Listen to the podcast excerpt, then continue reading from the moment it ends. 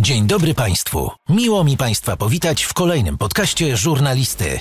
Zanim zacznie się rozmowa, chciałbym Państwa w imieniu gospodarza poprosić o wystawienie oceny i obserwację podcastu. Nie zajmie to Państwu więcej niż kilka sekund. Życzę dobrego odsłuchu. Dzień dobry Państwu. Przypominam, że rozmowy żurnalisty są dostępne dla osób pełnoletnich ze względu na występującą w nich treść. Pozdrawiam bardzo serdecznie, Maciej Orłoś. Partnerem podcastu jest Kuchnia Wikinga, catering dietetyczny.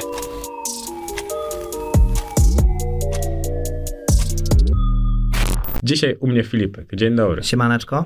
Jeden z nielicznych, który był punktualnie, bo tego zapomniałem ci. Tak, właśnie gościu na recepcji powiedział, że e, drzwi nie są otwarte chyba dlatego, że e, raper przychodzi i było oczekiwane, że jednak się spóźni. tak, widzisz? Zło, słabo omawiani są ci goście, bo oni się tutaj spóźniają e, notorycznie. Tak? No to nie, no to jak ja jadę do Warszawy, to zawsze na parę dni, żeby coś, dużo rzeczy pospinać i jestem raczej, wiesz, e, autem i staram się być na, na tego, na czas. I dobrze wychowany. Mm, No, raczej miałem dobrą kulturę wychowania w domu. Wychowałeś się w inteligenckim domu, bo zaczynałeś w rozmowach, zaznaczałeś w rozmowach, że w rodzinie miałeś dużo nauczycieli, że często podkreślałeś, że prenumerowaliście prasę. Wychowałem się w domu inteligenckim, który trochę się bał zaryzykować. Tak bym powiedział. Który nie był psychicznie przygotowany do dużych wyzwań Mhm. oraz był e, bardzo mocno. Miał bardzo duże naleciałości, małą miasteczkowości. Tak bym, tak bym to Mhm. uznał i, i bał się jakby wielu rzeczy. A co, E. z czym się wiązało ryzyko? na przykład e, mój tato był jednym z najbardziej pracowitych, e, znaczy jest dalej, bo jakby dalej pracuje, Mhm. tylko że już nie w policji, ale jest bardzo pracowitym gościem. Chyba najbardziej pracowitym, właśnie, bo o mnie mówią, że ty jesteś pracowity, Filip i tak dalej, ty jesteś konsekwentny. No ale ja na przykład miałem w domu takie wzorce, że mój tato pracował e, normalnie w policji, często to też się wiązało z pracą, wiesz, 8-9 godzinną, m, albo nawet 10, bo te służby często się przedłużały, e, a jeszcze potem w soboty wstawał o 4 nad ranem i uczył się do, wiesz, do, do kolokwium, bo studiował jeszcze zaocznie i dojeżdżał w ogóle do Opola, więc ja w, w bardzo mocnym kulcie pracowitości się o, otaczałem, natomiast y, jakby powiedzieć, na sam koniec y, bardzo mocno awansował. y, Mam nadzieję, że tato nie będzie na mnie zły, że to mówię, ale chyba nie, bo, bo nic takiego nie mówię. Y, awansował y, w hierarchii, powiedzmy, y, struktur Mhm. policyjnych, ale jakby powiedział, że po dwóch latach z tego zrezygnował i przeszedł na wcześniejszą emeryturę, ponieważ y, powiedział, że jego presja tak zjada y, tam i takie mocne jest ciśnienie, że nie jest w stanie jakby, no nie, nie, nie chce sobie y, ży, życia po prostu psuć i, i się stresować. I mniej więcej, no wiesz, no u mnie było raczej takie bardzo mocno, bardzo mocne nastawienie na to, żeby skończyć studia, iść do normalnej pracy, jakby wiesz, takiej bezpiecznej, Mhm. na etat y, i to nie chodzi tylko o mnie, tylko po prostu o całą rodzinę. Mój kuzyn jest prawnikiem, y, mój, moja kuzynka skończyła też finanse i rachunkowość, a ja, kurwa, miałem coś takiego zawsze w sobie, że ja nie chciałem. Ja chciałem ryzykować i wiesz, no może za dużo się naoglądałem jakichś filmów amerykańskich i tak Mhm. dalej, o bohaterach, naczytałem się książek, bardziej chyba książek, ale chciałem być bardzo taki, wiesz, no chciałem dojść do czegoś Mhm. takiego, wiesz, szalonego w swoim życiu. A ty byłeś jedynakiem, czy jesteś? Tak, jestem jedynakiem. Jakby nie miałem, nie miałem nigdy rodzeństwa. Ty oglądałeś z tatą też Adamka, Gołotę, sport był też w waszym domu? Nie. Eee, nie, nie było sportu w moim domu. Mm, Była, były książki w moim domu i było, była prasa, na przykład Mhm. bardzo dużo prasy. Moi rodzice prenumerowali Super Express, który jest tabloidem, y, ale ja gdzieś od szóstego roku życia czytałem. Wiesz, codziennie była Mhm. gazeta na stole i ją codziennie najpierw y, dział sportowy, od deski do deski, a już jak wiesz, trochę podrosłem i poszedłem dalej gdzieś tam do gimnazjum, to, a nawet już w podstawówce, to czytałem całość. Jakby od deski do Mhm. deski codziennie i prosiłem mamę, bo moja mama pracowała w sklepie, y, w supermarkecie, prosiłem ją, żeby przynosiła mi jakby gazety na jeden dzień, na dwa dni, ponieważ chciałem je poczytać i ona potem odnosiła te gazety. Super Express Express wtedy i Super Express teraz to też dwie różne gazety. Wtedy też Tak. dziennikarstwo było na trochę innym poziomie. Tak, jakby, ale no nie tylko to, wiesz, moja mama wszystkie gazety mi przynosiła, jakiś głos Milicza, Życie na gorąco, jakby wszystko, ja to wszystko po prostu pochłaniałem e, w, w ilościach. No, no, no, pamiętam też, że na szóste, e, na, na szóstą wigilię w swoim życiu mam taki flashback, że wszyscy, cała rodzina dostała, w sensie wszystkie dzieci dostały jakieś zabawki, a ja dostałem e, encyklopedię jakby dinozaurów i ja z tego byłem najbardziej zadowolony, bo ja to miałem na, na kolanach i jakby czytałem potem całą wigilię. To ta rodzina zawsze żyła blisko z tego, co mówisz, bo odnosisz się do Tak, kuzynów, do tak, tego, tak, że to... tak. Rodzina żyła ze sobą e, od strony mamy i od strony taty zresztą też bardzo blisko. To jakie miałeś marzenia, jak byłeś dzieckiem? No nie mogłeś marzyć, że będziesz raperem raczej, mając 6 lat.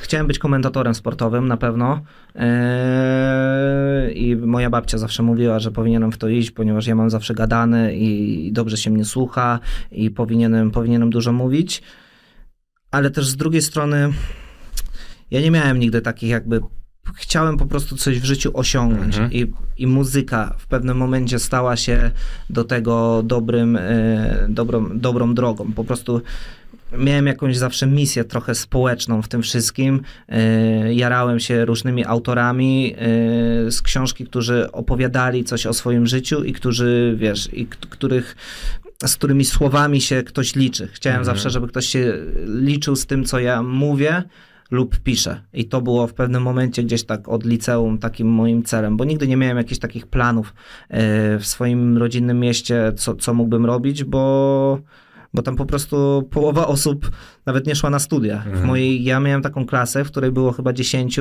czy 12 kiblarzy w trzeciej liceum, a maturę zdało z 10 czy 12 osób w pierwszym terminie. Jakby, no, małe miasto, jedno liceum, Mhm. no, nie było dużych progów. Okej, no to, to jest bardzo ciekawe, patrząc na to, jakie miałeś zainteresowania i miejsce do tego, żeby ewentualnie je rozwijać. No, generalnie, wiesz co, y, wydaje mi się, że, że potem czułem taki dużo, bardzo dużo takiego wewnętrznego bólu i agresji, że, że miałem gorszy start. y, w to takie życie nawet e, raperskie, bo wiesz, ja raczej jestem z dość skromnej rodziny, jeżeli chodzi o zarobki, a na, na samym początku chyba bardzo skromnej, chociaż nie pamiętam tych czasów. E, mieszkanie było bardzo małe, ale wiesz, no nie było biedy, ale no nie było też jakichś możliwości i mnie to strasznie tak buntowało i czułem taką dużą agresję, kiedy gdzieś na przykład jeździłem na bitwy freestyle'owe e, już na samym początku do Warszawy czy gdzieś tam i widziałem, że ci ludzie mają pieniądze, mogą sobie gdzieś jechać na drugi koniec jakby Polski e, następny tydzień, a ja na przykład muszę wygrać bitwę, żeby mnie było stać, wiesz. To trochę byłeś zbudowany z braków. Tak, no byłem bardzo zbudowany z braku, zwłaszcza pieniędzy. Uwa- właśnie ostatnio gadałem z moim trenerem e, o czasach studenckich i ja mu powiedziałem, że to były zajebiste czasy w moim życiu, ale po prostu wszechobecny brak pieniędzy mnie dobił. To, że zawsze trzeba było kombinować, zawsze trzeba było coś robić i najgorsze było w tym wszystkim pogodzić taki artyzm, Mhm. żeby się nie skurwić i to, to, to było najtrudniejsze, bo ja też zawsze żyłem takim etosem artysty w tym wszystkim, że wiesz, że, żeby być ambitny, a, a jakby to się bardzo często kłóciło z pieniędzmi. No to tak jak e, historia wielu pisarzy, których najprawdopodobniej przeczytałeś niestety. Tak. Jeżeli chodzi o to, to często trzeba schylić się w miejsca, w które wcześniej nie, nie chciało się nawet e, zaglądać. To jeszcze wracając do domu, to miałeś bardzo dobre relacje z rodzicami, to jak oni... Nie, nie miałem bardzo dobrych relacji y, z rodzicami. Miałem bardzo chujowe relacje z moimi rodzicami, zwłaszcza od liceum. Y, ponieważ y, teraz mam z nimi bardzo Mhm. dobre relacje. Y, wiesz, kiedy ja podrosłem, nauczyliśmy się ze sobą rozmawiać, moi rodzice zaczęli mnie rozumieć, y, no bo wiesz, no to jest małe miasto, y, rodzice nie czytali tych książek co ja, no ciężko im było wytłumaczyć, co ja w ogóle chcę w życiu osiągnąć. Widzieli, że się nie uczę do matury, tylko jakby jestem w jakimś swoim świecie. No rozumiem, że mnie nie rozumieli. Ja wiesz, ja też jeździłem na bitwy freestyle'owe, wiedziałem, że jestem w tym dobry. To mnie budowało, ponieważ w liceum byłem nikim. Tak naprawdę nie byłem nikim się wyróżniającym, nie miałem ani dobrych wyników w sporcie. Partnerem żurnalisty jest Engokars.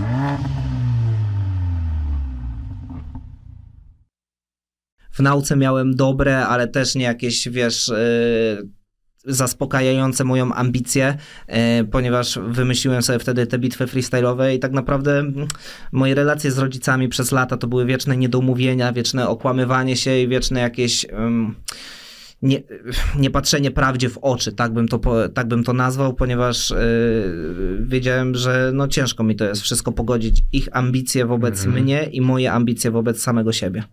Okej, okay, no bo zawsze w słodko-gorzkie łzy rapujesz, że zawsze na osiedlu miałem przejebane za to, gdzie pracował mój ojciec. To też jakby budowało we mnie takie coś, że ciężko było pogodzić raczej taką turbo dobrą relację tak, tylko że ja od samego początku jebię te wszystkie e, środowiska pseudogangsterskie, mhm. bo, bo to zawsze jest bogacenie się na cudzej krzywdzie i na tym, że ktoś przychodzi, wiesz, ja nigdy z tym ja zawsze z tym walczyłem, ale jakby nigdy nie miałem pretensji o to do mojego taty, że, że on jakby był policjantem, bo mój tato był, jest świetnym człowiekiem, mm. bardzo dużo ludziom wielu osobom pomógł. Mój tato na przykład wygrał taki konkurs na policjant, który mi pomógł.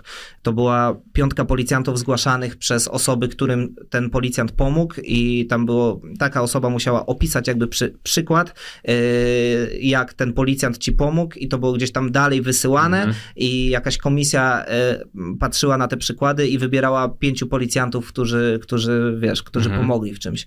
Yy, I, I na przykład mój tato był w tej piątce, ponieważ pomógł jakiejś kobiecie, e, nie wiem czy rozwieść się, czy po prostu wyprowadzić się od męża alkoholika, który jakby niszczył jej życie. Dlatego jak ktoś mówi, że jebać policję czy coś takiego, to kiedyś mi się nóż w kieszeni otwierał, a teraz po prostu, teraz mi się nawet nie chce dyskutować z czymś takim, bo bo albo ktoś jest głupi, albo po prostu mu współczuje, bo od dziecka miał wpajane złe wzorce. Mhm. No też w tym samym numerze mówisz, że masz najlepszego tatę na świecie, ty światopogląd, w który chcesz wierzyć, więc tak, to tak. też e, ładnie zamyka tą e, klauną. Raz na dwa tygodnie chodzisz do psychologa, mówisz, że każdy ma jakieś swoje sytuacje z dzieciństwa do przepracowania i ty masz ich dużo. To jakie rzeczy przepracowujesz? Co zostawiło w tobie na tobie taki ślad? Wiesz co, no jeszcze nie jestem w terapii tak mocno, e, że zaczęliśmy grzebać e, jakby moje dzieciństwo, mhm. ponieważ psycholog zwróciła uwagę, że często to są takie rzeczy, o których ty nawet nie miałeś pojęcia, że one cię zbudowały. W sensie, że zbudowały wszystkie twoje jakieś tam traumy i ona mówi, że, że to po prostu sama w sobie, e, raczej to samo w sobie wypływa po prostu pod, e, pod wpływem pytań. Ja na pewno miałem, wiesz, no lata, lata właśnie braku hajsu, lata takiej tułaczki od mieszkania do mieszkania we Wrocławiu, lata związków, które w żadnym wypadku nie były dla mnie ani dla tych drugich stron dobre, lata raperskiego życia, mhm. lata narkotyków, y, które i tak w moim życiu nie, nie grały nigdy żadnej ważnej roli, ale gdzieś tam się przewijały na jakichś afterach, bo ktoś tam miał, ktoś tam coś mhm. poczęstował i potem ci to ryło głowę, lata alkoholu, to, że wiesz, że nigdy nie miałem jakiegoś kierunku takiego życiowego, bo zawsze chciałem robić to, co teraz robię yy, i z czego się utrzymuję, ale wiesz, zawsze wmawiałem sobie, że powinienem iść tą drugą, taką bardziej ustabilizowaną drogą w swoim życiu, a, a jakby życie mi pokazało, że, że tak naprawdę dopiero teraz jestem szczęśliwy, mhm. robiąc muzykę i wiesz, i nawet biorąc udział w jakimś fame MMA. Okej, okay. no bo zastanawiałem mnie, kiedy to zrozumiałeś, że są rzeczy, które ciągną cię w dół.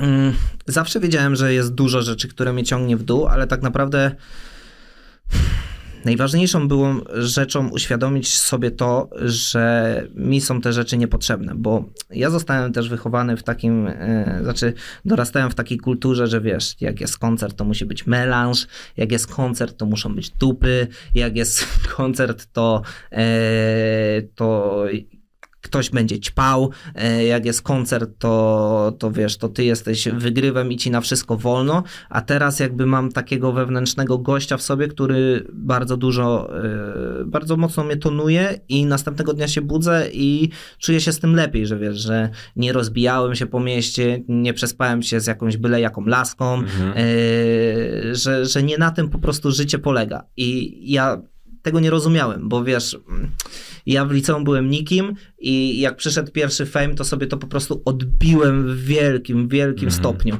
I, I to mnie jakby tak poryło, jeżeli chodzi o, o swoją własną samoocenę. I dopiero teraz y, zauważyłem, że moja samoocena tak naprawdę y, może być duża bez tego. Co znaczy, że w liceum byłeś nikim? To byłeś takim przeciętniakiem, czy raczej gościem zepchniętym do marginesu? Kurczę, to byłem niski, nie ubierałem się dobrze, bo mnie na to nie było stać. Nigdy nie miałem wybitnych osiągnięć sportowych. Na studniówce ze trzy dziewczyny mi odmówiły, żeby ze mną pójść na tą studniówkę. Eee, miałem dziewczynę, która była ode mnie starsza, która e, pojechała do e, która pojechała na wyspy po maturze i która już nie wróciła jakby po tej maturze, z tych wakacji, gdzie miała zarobić. No mnóstwo, mnóstwo miałem takich rzeczy. E, które sprawiały, że czułem się jak totalny jakby outsider. Czytałem książki nałogowo, wiesz, dziewczyny wtedy raczej chciały jakiejś męskości i tak dalej u facetów, a ja byłem gościem, który na przerwach czytał, wiesz, Tolstoja jakiegoś, yy, yy, co ja czytałem wtedy yy, bardzo mocno, Zafona czytałem wtedy bardzo mocno, y, Mario Puzo czytałem wtedy bardzo mocno, y, czytałem wtedy Orwella bardzo mhm. mocno i wiesz, a jednocześnie, wiesz, no chciałem mieć takie życie jak rówieśnicy i nawet tam trochę też liznałem tego życia na ale czułem się już nisko na szczeblu, wiesz, jakby mhm. milickim, a co dopiero, wiesz, gdzie, gdzie moje marzenia były takie, żeby kiedyś coś znaczyć po prostu. Ostatnio miałem taką rozmowę chyba z Dziarmą właśnie i rozmawialiśmy o tym, że zazwyczaj te największe marzenia spełniają ci, którzy byli właśnie najbardziej zepchnięci, bo to jest na zasadzie takiej sprężyny, która tak. jest po tak. prostu zepchnięta i kiedy masz te marzenia i chcesz wierzyć w te marzenia i chcesz je realizować, jesteś pracowity, to wystrzelisz dużo dalej niż ci, którzy byli tymi klasowymi gwiazdami, bo oni często nasycają się tym sukcesem za dziecka. To ty ostatnio w wywiadzie powiedziałeś, że um, inaczej cieszysz się z sukcesu, kiedy masz 20 lat, a inaczej, kiedy masz 30, że nie masz w sobie tej takiej eksplozywności, że potrafisz tak bardzo mocno się cieszyć tak. i wyrażać te emocje. Ja na swoim przykładzie teraz powiem po tym Fame MMA, jestem tutaj w Warszawie, wiesz, ja wypiłem trzy drinki i jednego Aperola. Ja kompletnie nie mam potrzeby świętowania tego sukcesu, tylko pójścia dalej, wiesz o co mhm. chodzi. To już dla mnie moja walka na Fame MMA, która, wiesz, zdobyła tam powiedzmy 71 tysięcy lajków pod filmikiem, czy, czy coś takiego. Kiedyś ja bym, kurwa, poszedł na miasto i bym zwariował, jakby mhm. byłbym kimś. Teraz w ogóle nie mam takiej potrzeby, wiesz. To jest tylko część mojej drogi która możliwe, że, którą możliwe, że jest właśnie gonienie króliczka tak naprawdę, mm. a nie samo złapanie tego króliczka. To też jakby dużo o tym z, z moją panią psycholog rozmawiałem. Więc, yy, więc tak, to jest wydaje mi się taka dojrzałość. No kiedyś tego nie miałem. Kiedyś, kiedyś byłem takim bardzo eksplozywnym gościem, bardzo temperamentnym i bardzo takim idącym mm -hmm. we wszystko, co, co się działo. No i to mnie też bardzo niszczyło. To marnowało mój potencjał, bo ja kiedyś myślałem, że e, jak pójdę na miasto i przez tydzień tam pobaluję, to, to będę miał, e, to to sprawi, że sprogresuję w rapie, ponieważ no, każdy raper tak mm. robi, a teraz nie, wiem, że tak nie, że jak pójdę zamiast tych 7 dni na miasto, jak pójdę 7 dni z rzędu na lekcję śpiewu, to sprawi, że ja sprogresuję. To też mogła być taka maska, bo mówisz, że jesteś wrażliwym, introwertycznym gościem, a hip-hop jednak w tamtym okresie wymagał szorstkich, takiej, tak, takiej męskości. Tak, tak, tak. No wiesz, ja też jestem więźniem na pewno tego, co, czego hip-hop wymagał w ogóle. Ja dopiero w pewnym momencie mm, zacząłem rozumieć, że ja nie chcę żyć jak 40-letni goście w begach z brzuchem wspominający, nie wiem, e, czasy Bigiego i, i tego, jak Smarki Smark nagrał najebawszy, bo, bo to już było, wiesz o co chodzi. E, a to, że ja się przebiorę, ja się ubiorę lepiej, że mnie stać na jakieś lepsze ciuchy, to wcale nie sprawi, że ja mam mniejsze walory artystyczne, wiesz. Mm. I, I to, że ja chcę od życia więcej, nie ujmuję mojemu artyzmowi, ponieważ ja chcę ten artyzm pchać razem z, wiesz, z tą potrzebą posiadania e, tego więcej. To nie jest tak trochę w twoim przypadku, że hip-hop to taka nieszczęśliwa miłość? No, hip-hop złamał mi serce na pewno. e, na pewno, wiesz, ja powiem ci tak, ja kiedyś chciałem poznawać tych wszystkich ludzi, e, których, e, których słuchałem. Teraz, jak mi się ktoś podoba nawet rapowo, to, to nie mam potrzeby jakby się z nim widzieć, mogę po prostu przyjść na jego koncert albo posłuchać jego muzyki, ale wiesz, jakby nie jara mnie to, nie mam idoli. Jakby hip-hop mnie, to jest częste słowo, mm -hmm. które mówią, które, które, które mówią artyści, ale ja też tak uważam, że hip-hop pozbawił mnie idoli, wiesz, bo, bo to są zwykli ludzie często z totalnymi problemami, wiesz, możesz możesz przyjść z nimi do studia, ogarnąć te patenty, na jakie, które sprawiają, że oni są lepsi, wiesz, rapowo i potem to wziąć do swoich utworów, ale żeby żyć tak jak oni, nie, ja nie chcę. No to niestety. Nawet, bo często jako dzieci traktujemy ich jako półbogów, a, tak, a tak. oni ja nadal też, ja są też, ludźmi. Ja też Właśnie kiedyś miałem taką ciekawą rozmowę z kimś tam. E, nie będę, bo pewnie by nie chciał, żebym e, mówił jego imienia i nazwiska, ale on powiedział, on jest tam znaną osobą i jakby miał jakieś tam zarzuty, że ćpał gdzieś Mhm. i tak dalej. I, I ja mówię, że a czym ty się przejmujesz i tak dalej? Czy ty nawet ćpając, e, co akurat do tej osoby też było pomówieniem, ponieważ e, ta osoba nie ćpa, ale mówię, e, czy ty jakby robiłeś komuś krzywdę, nie wiem, biłeś kobietę i tak dalej, czy może nawet, wiesz, spotkałeś się w gronie swoich znajomych i pomelanżowałeś, a potem o szóstej poszedłeś spać i rano wstałeś i normalnie ogarniałeś. On mówi, no tak, ale ja patrzę na, mam inny wizerunek niż ty, bo, bo ty jesteś gościem, który jakby nie ukrywa, że miał jakieś tam swoje problemy życiowe i, i wiesz, i, i nawet u ciebie to po prostu ujdzie na takiej zasadzie szczerości. Dlatego ja też, wiesz, nie wmawiam nikomu, że jestem idolem, czy Mhm. ze mnie korzystajcie, tylko spraw, mogę być dla kogoś benchmarkiem, że ktoś powie, że dobra, Filipek ma to i to fajne, na tym się chciałbym wzorować, ale nie, że wiesz, że Filipek jest Bogiem, bo nie jestem żadnym Bogiem. No mi się wydaje, że często oni też tego nie mówili, tylko my jako dzieciaki łapaliśmy to, że patrzyliśmy na takiego PZ i myśleliśmy sobie, kurwa, to jest świat, jeszcze szczególnie z twojej miejscowości, z mojej miejscowości, jak patrzysz na to wszystko, to Dokładnie, a jednak... ja teraz słucham na przykład e, nowej płyty PZ, gdzie on ma 42 lata, tak, i nawija, że nikogo nie kocha. I, I no mi jest przykro, nie? W sensie, wiesz, jakby mówię sobie, że szkoda mi tego faceta, że nie chciałbym skończyć, wiesz, tak jak on. Znaczy, nie mówię, że on źle skończył, ponieważ on może być szczęśliwy w swoim życiu, no ale rapuje tak, jakby nie był szczęśliwy. Mhm.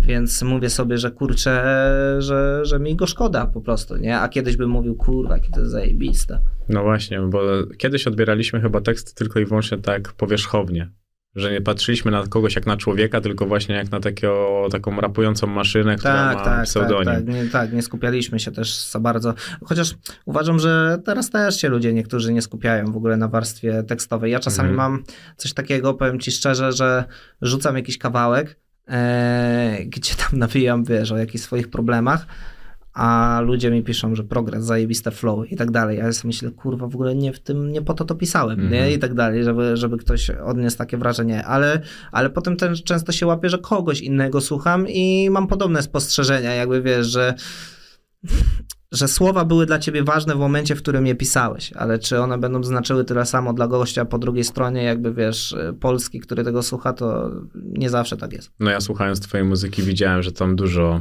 mm, serca zostawiasz, bardzo, bardzo dużo. Tak, ale nie, nie zawsze moja muzyka jest też y, już umiejscowiona, przynajmniej na tej płycie, w czasie rzeczywistym, wiesz, niektóre kawałki to były storytellingi, Mhm. e, niektóre kawałki trochę nawiązywały do mnie z przeszłości, chociaż nie mówiłem tego wprost, niektóre kawałki... mm, Na przykład były napisane po pokłóceniu się z kimś, ale tak naprawdę następnego dnia już tego, wiesz, nie czułem. Mhm. E, bo, bo widziałem taką recenzję mojej płyty, że, y, że jeden y, gość mówił, że, że tak jeden do jeden brał moje słowo każde i, i jakby potem zestawiał z całą płytą i mówi, że to mu nie pasowało, tamto mu nie pasowało e, i tak dalej. A ja że wiesz, że jednego dnia coś tam pisałem o jakichś rozterkach e, życiowych, drugiego dnia, że kogoś kocham, trzeciego dnia, że gdzieś tam jestem na melanżu i wiesz, i, i jest, e, że komuś padłem w oko, czy coś takiego nawet już teraz wiesz.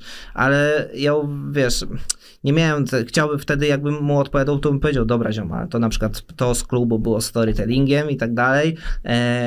E, tamto na przykład, y, że kogoś nie, że, że jest mi smutno y, z kimś tam było, wiesz, jakimś powrotem do przeszłości, e, a to, że kogoś kocham na przykład było real time'em w, tym, w tym momencie. Ale z drugiej strony ja też byłem skazany na to, bo ja nie bardzo nie lubię opisywać swojej twórczości, wiesz, nie lubię opisywać, że zrobiłem taką i taką płytę, ponieważ ja zawsze miałem taki etos, że e, takie modus operandi, że to muza ma sama ciebie nakierowywać e, na to, co chcesz e, przekazać, a nie elaborat, który ty dostarczysz wraz z muzyką. No tak, tylko No. to jest takie bardzo pisarskie. Takie, Tak. To jest twórcze, ale nie związane z muzyką. A druga sprawa, że to jest ta prawdziwość.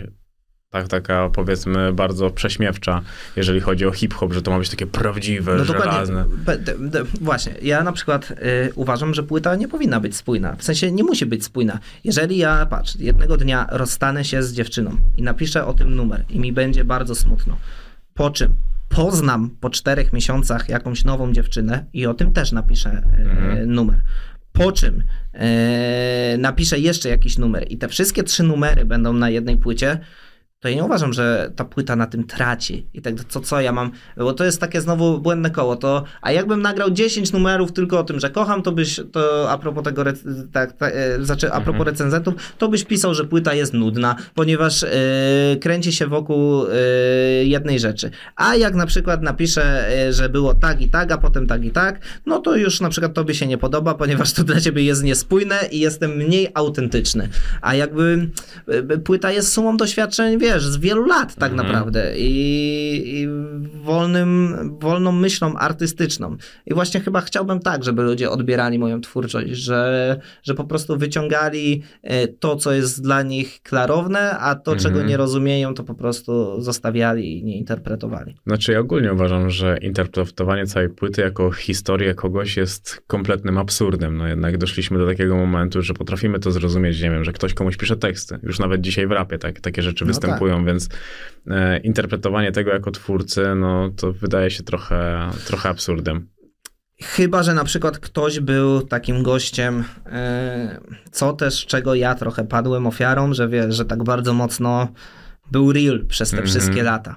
I dalej jestem real, ale już trochę jakby spuściłem z takiego tryhardowania, jeżeli chodzi o płytę, że ta płyta musi być taka i taka, że wszystko się musi zgadzać w czasie rzeczywistym i wiesz, tylko że faktycznie mam taki problem, że Moja płyta jest bardzo dużym eksperymentem, bardzo, dużo, bardzo dużą wypadkową wielu rzeczy i może po prostu zbyt mało to podkreśliłem, jeżeli chodzi o recenzję. Znaczy, wydaje mi się, że to jest i tak tylko wyłącznie czepliwość, bo szczerze powiedziawszy, kiedy miałbym słuchać i jeszcze myśleć o tym, jakby słucham płyty, lubię słuchać całych płyt, ale nigdy nie zastanawiam się, czy co mi się teraz zgadza pierwszy z ostatnim numerem, bo często No. jest to podkreślane, że płyta jest zbyt monotematyczna, zbyt mało różnorodna. Tak, tak, tak. No to w takim wypadku oferujesz dużą różnorodność i też e, dostarczasz dużo większej ilości emocji. No tak. Więc tym samym płyta staje się bardziej kompletna, a z drugiej strony bycie takim prawdziwym na przestrzeni całej kariery jest niemożliwe, no, bo nie, jak, oczywiście. no to jest nie absurdalne, no. To jest, to jest właśnie chyba najgorsze. W sensie, wiesz o co chodzi. Jeżeli na przykład kiedyś mówiłeś, że, e, że nienawidzisz gejów, a teraz jesteś e, aż tak e, lewicowy jak Maja Staśko, Mhm. to fakt jest to dziwne. Ale jest to w jakiś sposób wytłumaczalne, bo możesz powiedzieć, że, że po prostu zmieniłeś się o 180 stopni.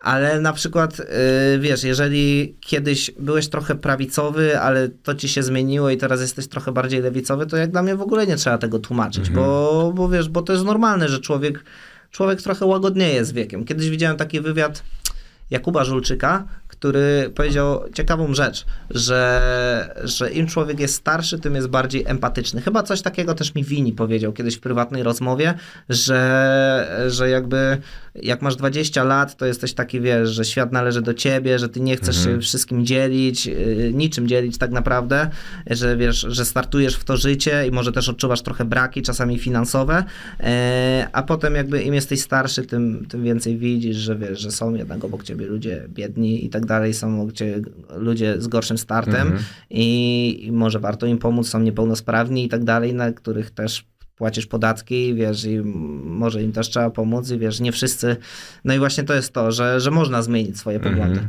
No jasne, że tak. Uważam, że hip-hop to jest jedyna kultura, w której trzeba tłumaczyć zmianę. Tak, tak, tak, tak. że tak, tak. jak już powiedziałeś coś, jak miałeś 18 lat, tak masz 38, dalej masz uważać dokładnie to samo. To akurat e, ostatnio trochę Może czytałem dlatego, że hip-hop to jest ta kultura buntu trochę i tak dalej i niektórzy wrośli w ten bunt po prostu tak mocno, że nie akceptują tego, że ktoś już może może po prostu mieć dość jakiegoś się buntowania i jakiegoś, wiesz, wiecznego trwania przy takim byciu rebel. Mhm. No, moim zdaniem, jeżeli stajesz w miejscu, to nie znaczy, że jesteś cały czas w tym samym miejscu, bo inni idą do przodu, to znaczy, że ty się cofasz. No trochę tak. I to jest akurat e, zupełnie... Chyba, że ta zmiana jest w złym jakby kierunku, ale to też jest wszystko kwestią, wiesz, względną No kwestią tak. interpretacji. No najgorsze jest tak jest się e, całkowicie zatrzymać. No to w liceum miałeś wizję humanisty, chciałeś pisać książki. Nie myślałeś kiedyś, żeby pod jakimś pseudonimem sobie napisać książkę? Powiem ci stary kiedyś taką śmieszną rzecz, że mieszkałem kiedyś e, na Pomorskiej,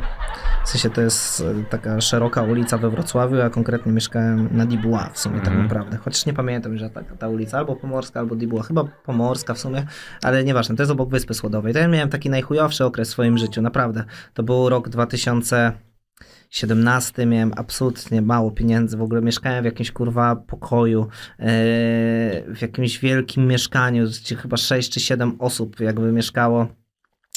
Ja tam płaciłem 500 zł za ten pokój. W gołąb srał na stół, jak odbierałem ten pokój e, w kuchni, w sensie w kuchni gołąb srał na stół. No po prostu syf, malaria i tak dalej. I pamiętam, że ja bardzo dużo wtedy piłem. No tak chyba co drugi dzień gdzieś wychodziłem i piłem. I pamiętam, że przyszedłem raz do, do tego, do mm, pokoju, taki najebany, chyba o, dwu, o 24 mówię, piszę kurwa książkę. Nie, mówię, to jest ten moment. Napisałem chyba z 10 stron, usnąłem e, najebany, Rano tylko to przeczytałem, mówię, ja pierdolę i wykasowałem to.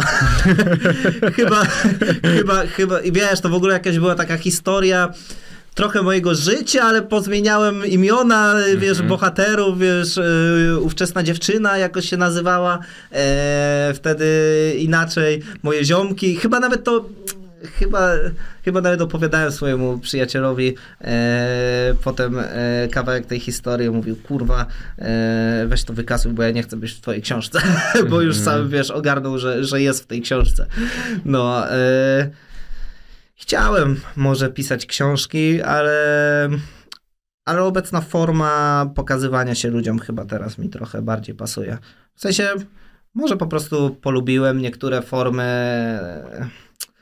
Nie to, że jakiegoś blasku, fleszy i tak dalej, bo Mhm. mi na tym nigdy nie zależało, ale, ale chyba polubiłem transparentność, jakby swoją, stałem się na tyle pewny siebie e, w niektórych kwestiach wygłaszanych, że nie potrzebuję jakby tego zostawiać tylko w książce. Mhm. Bo myślę, że to też w jakiś sposób było to, że ja nie chciałem na przykład być prezenterem telewizyjnym, tylko pisać książki, że nie byłem tak pewny, wiesz, jakby no, różnych rzeczy, swojego Mhm. wyglądu, swojej, swojej, wiesz, swojego mówienia takiego vis-a-vis, swojej pewności siebie i tak dalej. E, Zawsze miałem też problem z patrzeniem w oczy, ponieważ e, ja się wtedy bardzo mocno, e, nawet teraz mam, że bardzo mocno mi to wpływa na psychę, że nie mogę się skupić, Mhm. jakby, że myślę o tym, co, co, co, co ty myślisz o tym, co ja mówię do ciebie, nie? Czy ty się uśmiechasz, czy jakby skrzywiasz się i czy to, wiesz, wpływa też na, na, na na to, co, co ja gadam. I, I właśnie chyba myślę, że obecna forma Filipka mi odpowiada. Ten kompleks wzrostu też jest na pewno istotny tak, w twoim życiu, bo tak, ja mam tak, kumpla, tak. który jest jeszcze niższy od ciebie i bardzo, bardzo go lubię i nigdy nie potrafiłem tego zrozumieć. Ja mówię, Kamil, ja tego nie widzę kompletnie. No, w sensie jesteś niższym gościem, ale nie, wie, nie wierzę, że wpływa to na twoje życie. Czy na moje życie? Ja na szczęście byłem e, długi czas chudy, potem to, to też jakoś, wiesz, wyglądało jak miałem szczupłą twarz, to, to, to było spoko, ale potem przytyłem bardzo mocno przez to Mhm. picie, no to już w ogóle, jak się dodało do tego mój wzrost, no to wyglądałem tragicznie. E, ale pamiętam kiedyś, kiedyś bardzo dawno temu gdzieś się spotkałem na piwo z jakąś dziewczyną i ona tak na mnie popatrzyła, mówiła, powiedziała, kurwa, jesteś najniższym chłopakiem, z jakim się umówiłam.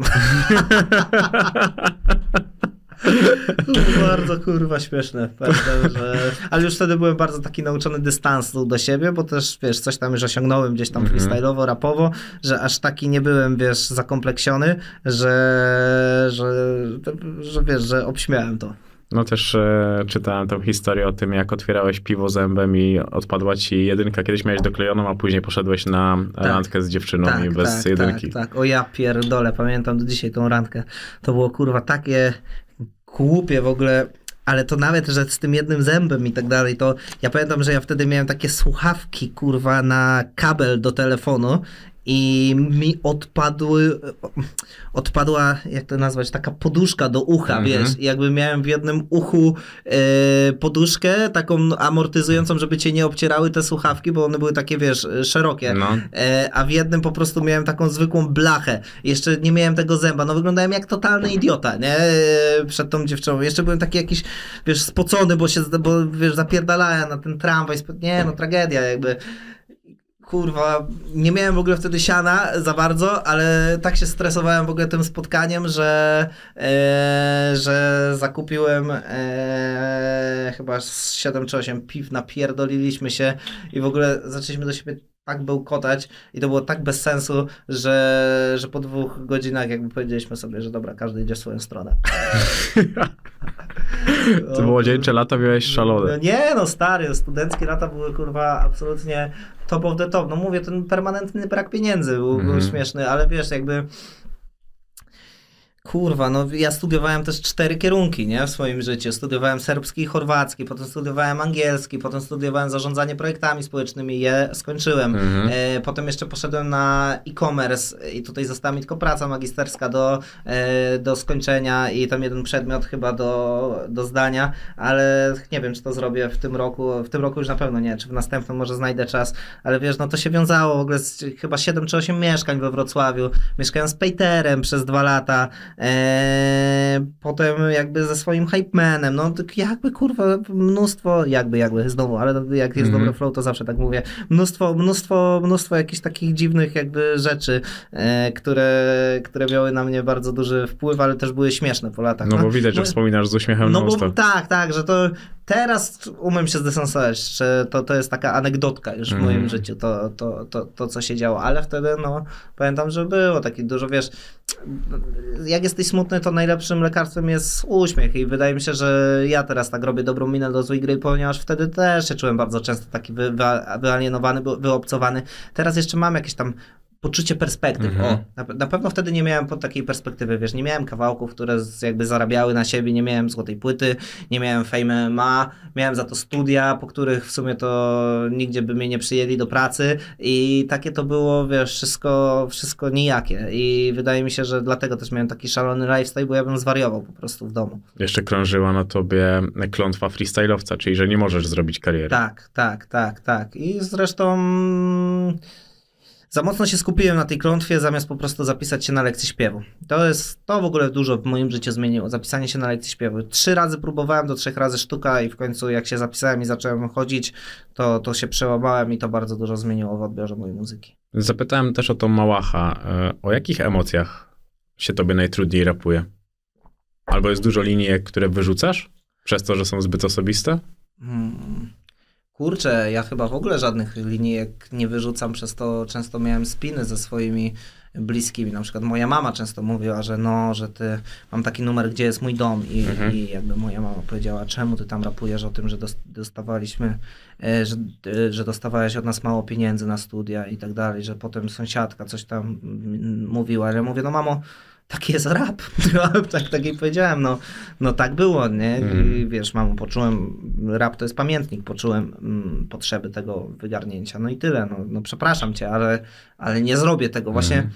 u, mnie, u mnie było zawsze takie, nawet chyba dalej jest takie przekonanie, że prędzej się pokłócę z bliskimi niż czegoś nie powiem w numerze, wiesz, jakby dużo, dużo, dużo takich miałem numerów, gdzie, gdzie gdzie po prostu te numery zaważyły o jakichś relacjach, czy to, w, czy to na przykład w dobrą stronę, czy w złą stronę. Na przykład Mhm. Mam taki numer Dworzec Kraków, który napisałem, jak już się praktycznie rozstawałem z dziewczyną swoją e, e, starszą, e, w sensie starą moją dziewczyną i ja go napisałem w, w autobusie, w polskim busie. Napisałem go naprawdę w 15 minut i pamiętam, że to już praktycznie był koniec, ale po tym numerze tak do niej trafił ten numer, że, że jeszcze byliśmy ze sobą, wiesz, jakby przez, przez kilka miesięcy. W sensie, że bardziej do niej trafił ten numer jako oznaka mojej miłości i że ją kocham, aniżeli wszystkie rozmowy między nami. Bo, bo widocznie teraz wydaje mi się, że dużo lepiej rozmawiam o emocjach, ale kiedyś totalnie nie potrafiłem, e, nie potrafiłem rozmawiać o, z kimś o tym, że go kocham, czy, czy że chciałbym mu coś wytłumaczyć, tylko na przykład pisałem o tym numer. Mhm. Ale no to też było, wiesz, piętno, że, że ludzie mnie kochali i że ja piszę smutne numery, które do nich trafiają. No paradoks artysty, że jak jest najsmutniejszy, to jest najlepszy, a, a mi się życie pierdoliło. Nie? I w No pewnym tak. momencie się bardzo wobec tego zbuntowałem, że powiedziałem sobie, że ja nie chcę tak kurwa jakby żyć, że dobra, pierdolcie się, możecie wypierdalać z mojego fanpage'a, ale ja nie będę wiecznie zachlanym typem, który, yy, którego dziewczyna rzuca i wiesz, i, i nie ma nic w swoim życiu. To dzisiaj łatwiej ci się mówi o emocjach, czy rapuje? Mówi chyba, chociaż, chociaż nie, w sumie, w sumie inaczej. Kiedyś wydaje mi się, że sztucznie nawet wywoływałem u siebie taki smutek, żeby napisać o tym numer. Teraz naprawdę muszę być smutny, żeby napisać smutny numer. Te, I muszę poczuć beat, bo ja jestem bardzo, mocnym, bo, bardzo mocnym audiofilem, że jeżeli. O inaczej, dźwięk we mnie wywołuje emocje. Po prostu, jak dostaję paczkę bitów i jeden, wiesz, sł- słyszę jakieś naprawdę smutne, oryginalne pianino, to ja bez kitu przypominam sobie e, jakiś, jakieś emocje, o których chciałem napisać, ale nie miałem w tamtym momencie takiego bitu. Natomiast e, nauczyłem się rozmawiać, dalej nie jestem w tym ekspertem, no ale na przykład to też właśnie chyba też w, t- w tym, w takim wydaniu poszedłem, dla, właśnie dlatego, dla tej opcji poszedłem na terapię, żeby mnie e, nauczono też rozmawiać o trudnych rzeczach, wiesz, że mi się coś nie podoba. Na przykład, powiem ci szczerze, kiedyś się zapytałem swojego najlepszego przyjaciela, znaczy najlepszego, no jednego z najlepszych moich przyjaciół, jaka według ciebie jest moja największa wada? A on powiedział, brak asertywności, że ty jakby jesteś tak masz wbudowane tak bycie dobrym człowiekiem, jakby w podświadomość, że nie umiesz odmawiać ludziom, jak ktoś mówi. Drineczka, to ty, żeby ta osoba się czuła przy tobie kultura fajnie i jakby no napijesz się z nim tego drineczka, E, a tak naprawdę nie chcesz tego robić, nie? Papieroska i tak dalej, e, to, to tak samo z nim zapalisz, chociaż nie chcesz tego robić, bo, bo, bo tak naprawdę już nie chcesz palić. I właśnie, właśnie chciałem się nauczyć właśnie tej asertywności. To bardzo ważna rzecz, szczególnie w takim środowisku. No bo Tak, jednak... tak, tak. To tak samo jak wiesz, piszą jacyś koledzy rapowi o fita. Nie mam. Na, na, na przykład, wiesz, jakieś akcje z Fame MMA i tak dalej, że, że ci ludzie e, czasami, którym się dogrywałem, prosili mnie, których lubię i tak dalej, ale prosili mnie, żeby to wrzucić na dzień przed Fame MMA nie? i tak dalej, bo wiesz, bo wtedy są zasięgi, bo wtedy wszyscy patrzą na twoje instastory. Ja też się nauczyłem odmawiać już takich rzeczy. Mówię, sorry, ziomuś i tak dalej, ale po pierwsze, to nie ma nic wspólnego z muzyką, zasięgi z Fame MMA, a po drugie, sorry, ale jest to interesowne. A z całym szacunkiem dograłem ci się, bo mi się kawałek podobał, a nie dlatego, żebym jeszcze na ostatnią chwilę przed ważnym wydarzeniem w swoim życiu, wiesz, wrzucał Insta Story, że wyszedł taki numer. No, no my, bez przesady. Już nie, Pasot kiedyś chyba tak powiedział też w wywiadzie, co mnie bardzo zaciekawiło, bo uznałem, że ja też tak miałem, że jak go ktoś zapytał, co byś zmienił w swoim życiu, on powiedział, no to, że jak zacząłem osiągać sukces, że byłem taki, że wszystkim dam, jakby co mam i tak dalej, że chcecie jakąś umiejętność ode mnie, nauczę was, chcecie, chcecie, e, wiesz, mojej pomocy, dam wam. Teraz czegoś takiego nie mam. Nie chodzi o to, że jest to wykalkulowane, ale potrafię chłodno powiedzieć, że sorry ziomuś, nie jesteśmy przyjaciółmi i nie muszę ci niczego dawać, możemy pogadać, ale nie jestem do niczego zobowiązany. Ogólnie to dogrywanie się wśród raperów to jest jeden wielki Excel. To no też bardzo jest, jest, jest, jest, jest. Ja często się dogrywałem z zajawki, ale po jakimś czasie uznałem, że ja marnuję też czas po prostu, Mhm. który mogę poświęcić na swoje, na swoje jakby skillsy. I, I tak samo jest w drugą stronę. Ja już się nie obrażam, jak ktoś mi nie odpisze, czy, czy ktoś napisze, że sorry, nie dogram ci się, bo, bo ja to rozumiem. Wydaje mi się, że sorry, nie dogram się jest dużo fajniejszy niż ktoś się nie odpisze. Tak, tak, a Bo- tak też jest bardzo często. To jest e, taka umiejętność, której mm, nie, niewiele osób ją posiada. To się wydaje bardzo proste tak naprawdę, tylko ludzie wydaje mi się, że jak nie odpiszą, to nie palą mostów, a jak odpiszą, to że palą mosty. A ja uważam wręcz odwrotnie, że to wykazuje się ktoś większym szacunkiem, mówiąc, że ma inne plany, że nie może, czy cokolwiek innego. Wymówek można znaleźć milion. Oczywiście, ale to jest ta ludzka asertywność. Właśnie. No tak, to zobacz, ile, ile osób się boryka z tym, że nie potrafi komuś po prostu powiedzieć nie. No tak, bo ludzie są też trochę jak pijawki, kiedy osiągasz sukces, wiesz, jakby chcą się w ciebie wsać i uszczknąć coś dla siebie, a najgorsze jest jeszcze jak grają taką sentymentalną kartą, mówiąc, że, że coś, coś jakby mi, coś, coś mi wisisz i wiesz, i powinieneś, wiesz. To jest, dlatego Dlatego ja powiedziałem sobie, że, że, że no muszę jakby mieć dużo w sobie tej asertywności, ponieważ musiałem też sobie wewnętrznie wytłumaczyć, że to wcale y, y, nie oznacza, że jestem złym człowiekiem, ponieważ ja często tak na koniec dnia siadałem i się zastanawiałem, czy jestem złym człowiekiem właśnie, bo widocznie miałem jakieś takie kompleksy, niską samoocenę, że musiałem dowartościowywać się tym, że, że wiesz, że, że coś dla kogoś zrobiłem. A teraz nie muszę, bo, bo wiem, że zrobiłem w swoim życiu dużo dobrego. To ja na rapowanie typowo coś takiego, że pożyczyli rower, a dzisiaj chcą samochodu. I Tak, to jest. tak, tak. e, Nie zrobię z siebie niewolnika ziomuś. No właśnie, No, pamiętam ten świetny, świetny, tak, świetny, tak. świetny wers. To tak, w, w, w liceum melanżowałeś, potem jak miałeś... Nie, zmenażowałem głównie na studiach. Okej, bo jak miałeś 19 lat właśnie, to przez, postałeś się popularny przez freestyle i zacząłeś, e, no powiedzieć, że cię odjebało. Tak, tak, tak. To tak, jak cię tak. odjebało? Co to znaczy odjebało w twoim słowniku? Kurwa. Wszystko tak naprawdę. Znaczy inaczej, y, może y, nie, nie aż tak narkotyki, bo, bo narkotyki po- poznałem stosunkowo na krótko i niedawno. Mhm. O, tak, bym, tak bym to nazwał. Kilka lat temu i, i nigdy ich też właśnie moje ziomki zwracają na to uwagę, że przestań gadać o tym, jakbyś nie wiadomo jak ćpał, bo nigdy tak nie ćpałeś. I faktycznie jest to prawda, że, że nie miałem aż takiej wielkiej styczności, ale też uważam, że na pewno jest ona była większa niż przeciętnego Polaka, więc, więc jakby mówię, mówię o tym.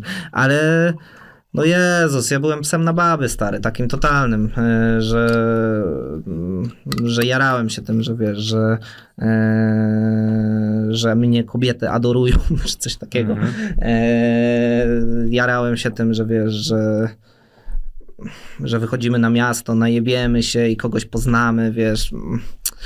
Po, po prostu bardzo mocno bardzo mocno korzystałem z fejmu.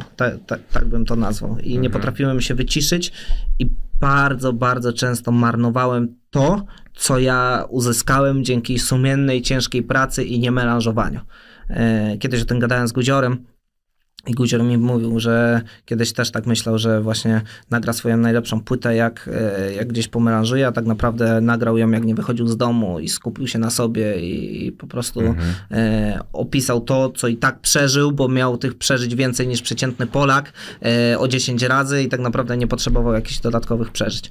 I, i właśnie, właśnie e, u mnie tak było, że, że ja nie umiałem tego skumać na samym początku, że miałem e, 19 lat, stałem się popularny, wiesz, z, z błazna klasowego, bo ja byłem takim właśnie błaznem trochę pajacem, wiesz, który mówił, ja na przykład dużo czytałem, przez to, że dużo czytałem książek, to pamiętam, że, że lubiłem na przykład na lekcji polskiego wstać i zrobić z siebie głupka i powiedzieć do pani, a wie pani, co to znaczy? I dałem jakieś, jakieś słowo w stylu e, sangwinik, nie? I tak dalej.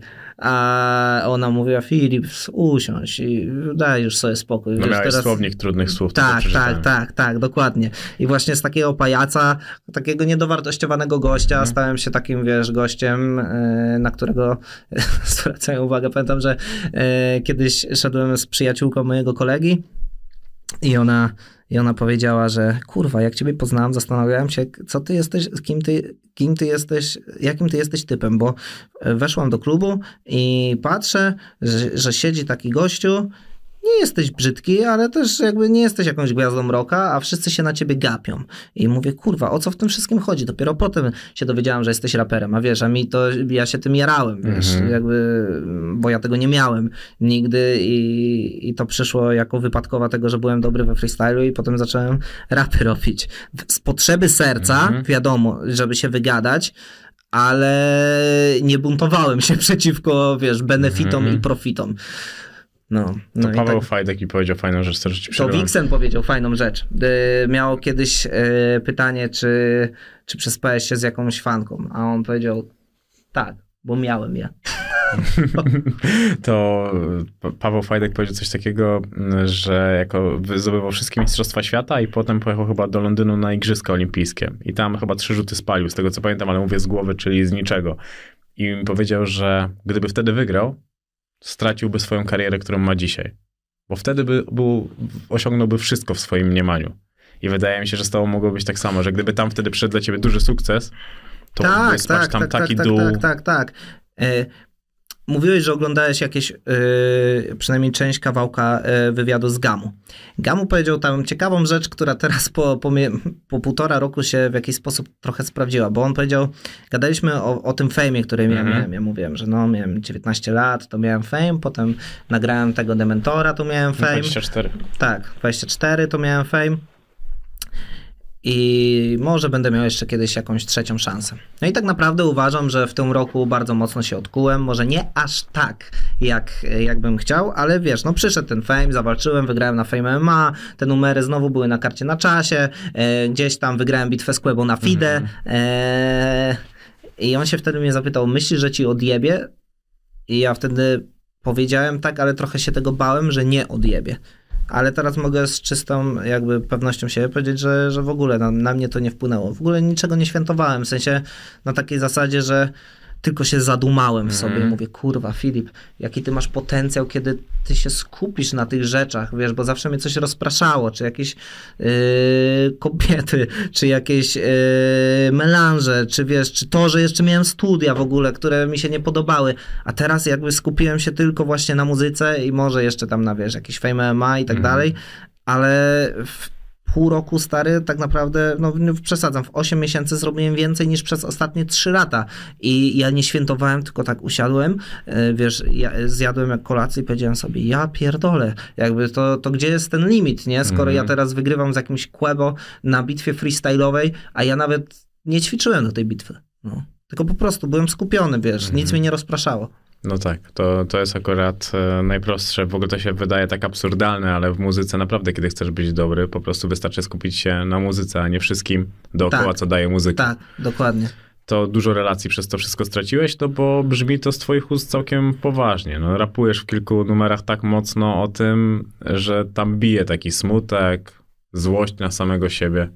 Relacji z ludźmi, tak? mhm. tak? E na pewno ja miałem bardzo dużo w ogóle relacji z ludźmi, ponieważ pomimo tego, że e, jestem introwertykiem, to, to też, wiesz, brakowało mi ciepła ludzkiego i bardzo, bardzo dużo, wiesz, jakichś spotkań e, z ludźmi miałem, e, wyjść na miasto, w ogóle jakichś, wiesz, interakcji. Potrafiłem się zaszyć w domu, ale to też nie jest jednoznaczne z tym, że potem przez tydzień gdzieś nie wychodziłem. No i mhm. miałem dużo znajomych.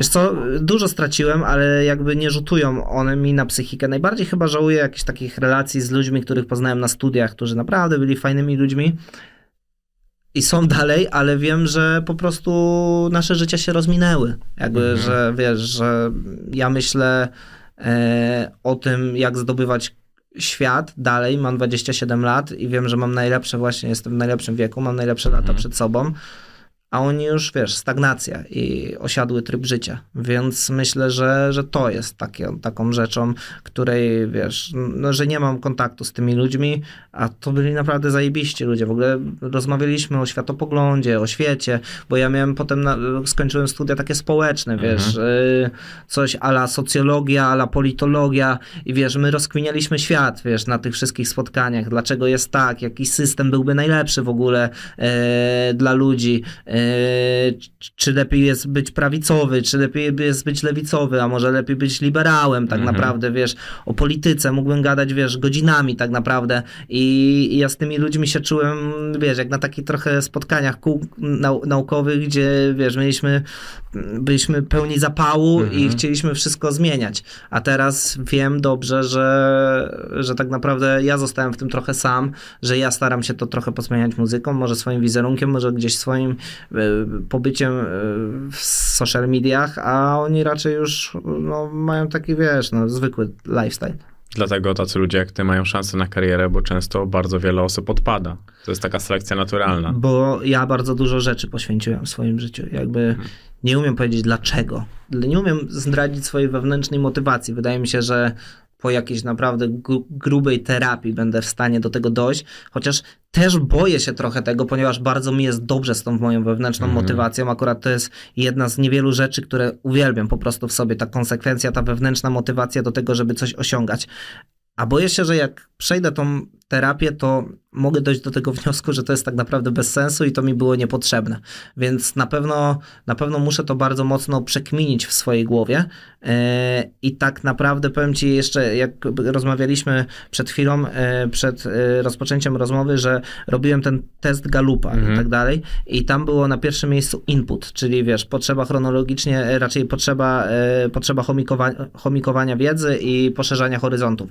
Ale na drugim miejscu już był e, achiever. Chyba, czy achievement, nie pamiętam, że potrzeba osiągania. Mhm. I, i to mnie bardzo mocno wyróżniało, bo, bo, bo to jest bardzo potrzebne, jeżeli ktoś ma to bardzo wysoko, wiesz, w, tym, e, w tym teście osobowości. I, i w sumie nie chciałbym tego stracić, nie chciałbym, wiesz, nagle dojść do wniosku, że jednak mi to wszystko niepotrzebne, bo jeszcze się tym jaram, wiesz, że, że wchodzę coraz wyżej. To nie jest tak, że ty też chciałeś być po prostu zawsze zauważony, nawet dla mnie sugeruje to kierunek studiów. Mówisz chorwacki, tak? Czy... Serbski, chorwacki. Serb, no właśnie, serbski, Eee, chorwacki. No, że wybierałeś zawsze takie ekscentryczne wybory, takie nieoczywiste bardzo mocno. Wiesz co, ja nie miałem nigdy potrzeby fejmu dla samego fejmu, ale na przykład już chciałem coś zdobyć, ale czymś wartościowym, na przykład, Mhm. wiesz. Ja często mówię, że na przykład jeżeli, jeżeli na przykład miałbym poświęcić tego Filipka obecnego, czyli tego, że wiesz, ludzie do mnie podchodzą na mieście, robią sobie ze mną zdjęcia, e, e, że wiesz, że jakiś mam pseudoprestiż społeczny, dla na przykład Filipka, który jest pierwszy na Spotify'u, ale ludzie kompletnie nie wiedzą, jak wygląda, to zrobiłbym to. Naprawdę bym to zrobił. I mógłbym na przykład grać nawet zakamuflowane koncerty, wiesz, żeby po prostu, wiadomo, że to, to trochę kasus twój, że w końcu to jakby kiedyś wyjdzie, e, tak czy siak, bo ludzie są tak dociekliwi, ale, ale nie miałem potrzeby bycia aż tak zauważanym tylko dla samego zauważania. Wiesz, ja nigdy bym nie poszedł do jakiegoś hotelu Paradise czy Love Island, żeby mnie ludzie poznali i wiesz, i zrobiłbym... Przynajmniej tam szukają miłości. Tak, no tak, ale wiesz, czy, do jakiegoś Big Brothera, czy coś. Zauważ, na przykład mi często ludzie piszą, bo wiesz, ja bardzo, bardzo lubię Takefana, bardzo się z nim koleguję i wiesz, i on robi jakieś tam vlogi z tych konferencji, czy, czy coś takiego. I mówię, zajebiście, wiesz, mi to bardzo pomaga, jestem mu bardzo wdzięczny, ale nie wiem, czy jakby ja nie, nie chciałbym chyba robić jakichś vlogów z mojego dnia, czy co, czegoś takiego. Te- U mnie na grupce na przykład yy, w Młody Fiwkowski była debata, że, że Filip poszedłbyś na jakiś wywiad z kimś i porozmawiał, bo jesteśmy ciebie ciekawi, a ty w ogóle tak się kamuflujesz od wielu miesięcy i nie dajesz praktycznie wywiadów. Dlatego, e, dlatego wywiady to jest chyba taka największa dla mnie forma mm, trochę ekshibicjonizmu takiego prywatnego, a, a nie na przykład, wiesz, jakieś świecenie gdzieś ryjem. Więc samo zauważenie dla zauważenia niekoniecznie, ale zauważenie z czymś konkretnym, jakby z czymś, z czym będę najlepszy i tak dalej, super. A kiedy rodzice zobaczyli, że jesteś na dobrej drodze albo zrozumieli, co ty chcesz osiągnąć? Wiesz co, kiedyś się pokłóciłem z moim tatą, z którym obecnie mam bardzo dobre relacje i mój tato jest jedynym tak naprawdę chyba moim takim autorytetem w życiu, takim na przestrzeni lat, jak sobie dojrzale myślę. Pokłóciłem się z nim, nie, nie pamiętam już, czy jak długo ze sobą nie rozmawialiśmy. Pamiętam, że po jakimś czasie przyszedłem do domu i, i już nawet nie pamiętam, możliwe, że też przyszedłem odwiedzić samą mamę y, do tego domu i pamiętam, że że zobaczyłem, że w tym czasie mój tato skompletował wszystkie moje płyty. I pamiętam, że prawie się wtedy rozpłakałem. W sensie, wiesz, ze wzruszenia, że no, że docenił mnie. W sensie, że wiesz, że pomimo tego, że nie mieliśmy dobrego kontaktu, to no, to, to, to miał te płyty. I pamiętam, że, że to było takie coś, że poczułem się wtedy bardzo doceniony. Drugą taką rzeczą jest to, że na przykład w Queshopie mi gościu powiedział, który yy, Łukasz, pozdrawiam go serdecznie, że mój tato zamawia pięć sztuk każdej mojej płyty. Wiesz, jakby czy ona wychodzi co roku, czy, czy co pół roku, to, to za każdym razem kompletuje pięć sztuk. A nigdy nie mówił. Nie.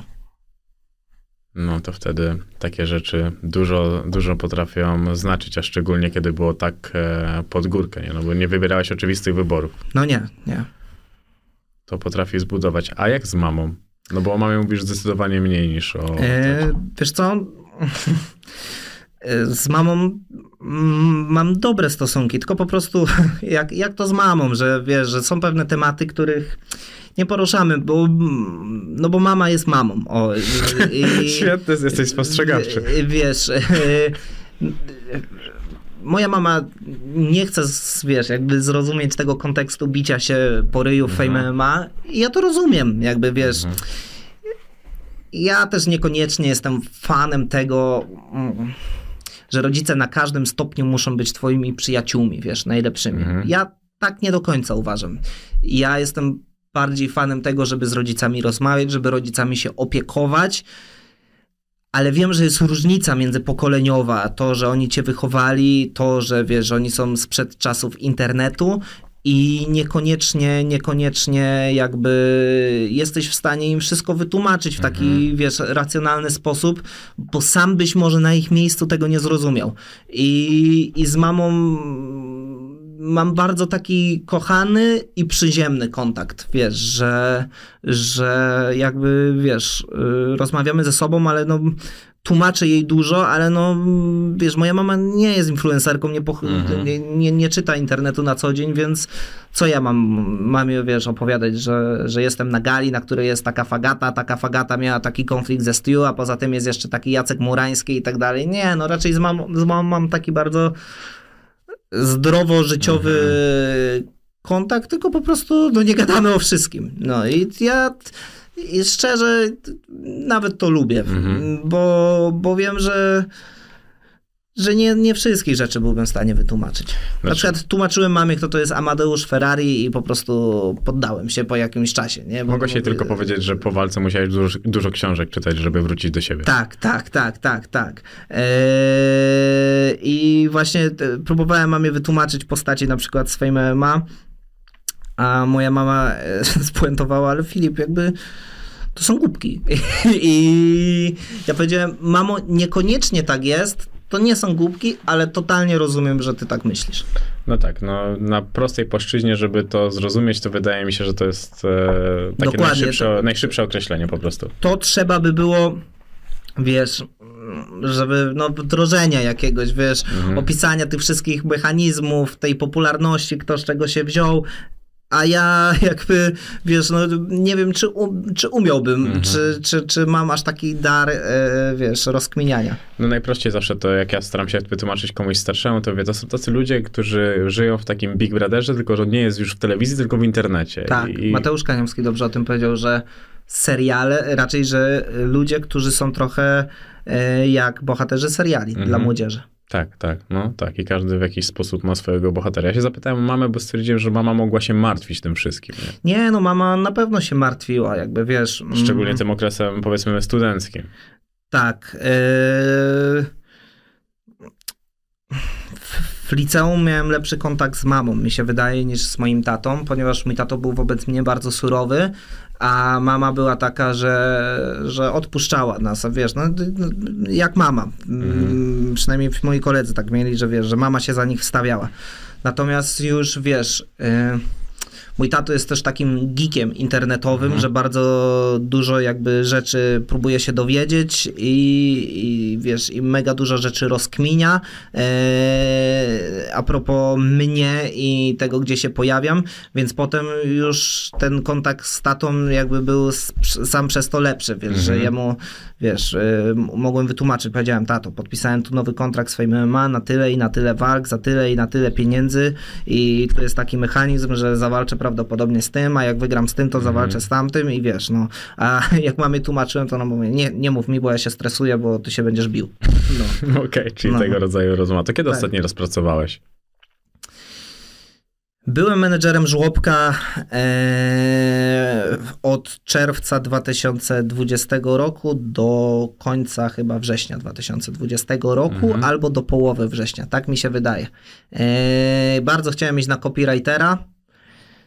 W ogóle nie wiem, po co chciałem iść do pracy. Tak naprawdę to miałem odłożone chyba kilkadziesiąt tysięcy, powiedzmy, na koncie, e, ale uznałem, że dobra, jest COVID, jakby zaraz się skończą koncerty, nie wiadomo, co się będzie działo, e, zaraz wszyscy poginiemy, muszę iść do normalnej pracy, wiesz, tam wtedy chyba przez dwa miesiące nie dostawałem w ogóle pieniędzy z muzyki, e, bo wtedy rozliczenia też e, z moją wytwórnią były co trzy miesięczne, nie?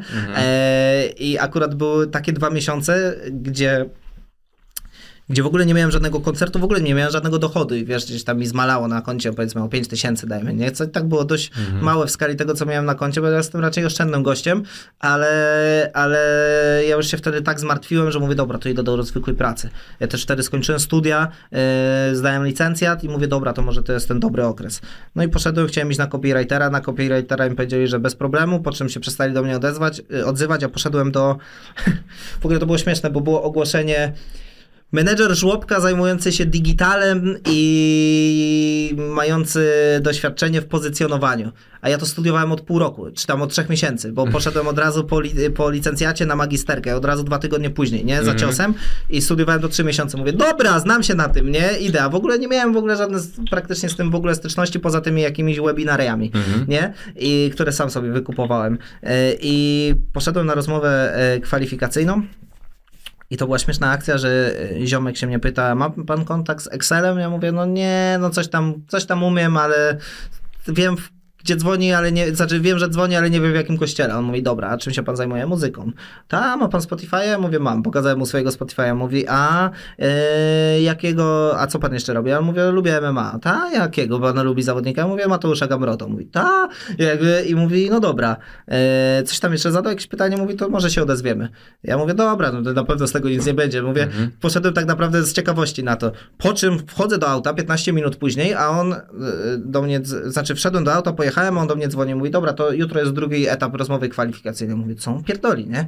Mówię, dobra, przychodzę na tą rozmowę kwalifikacyjną, patrzę, a tam prezes tych żłobków, bo to prezes miała kilka żłobków Mhm. pod sobą.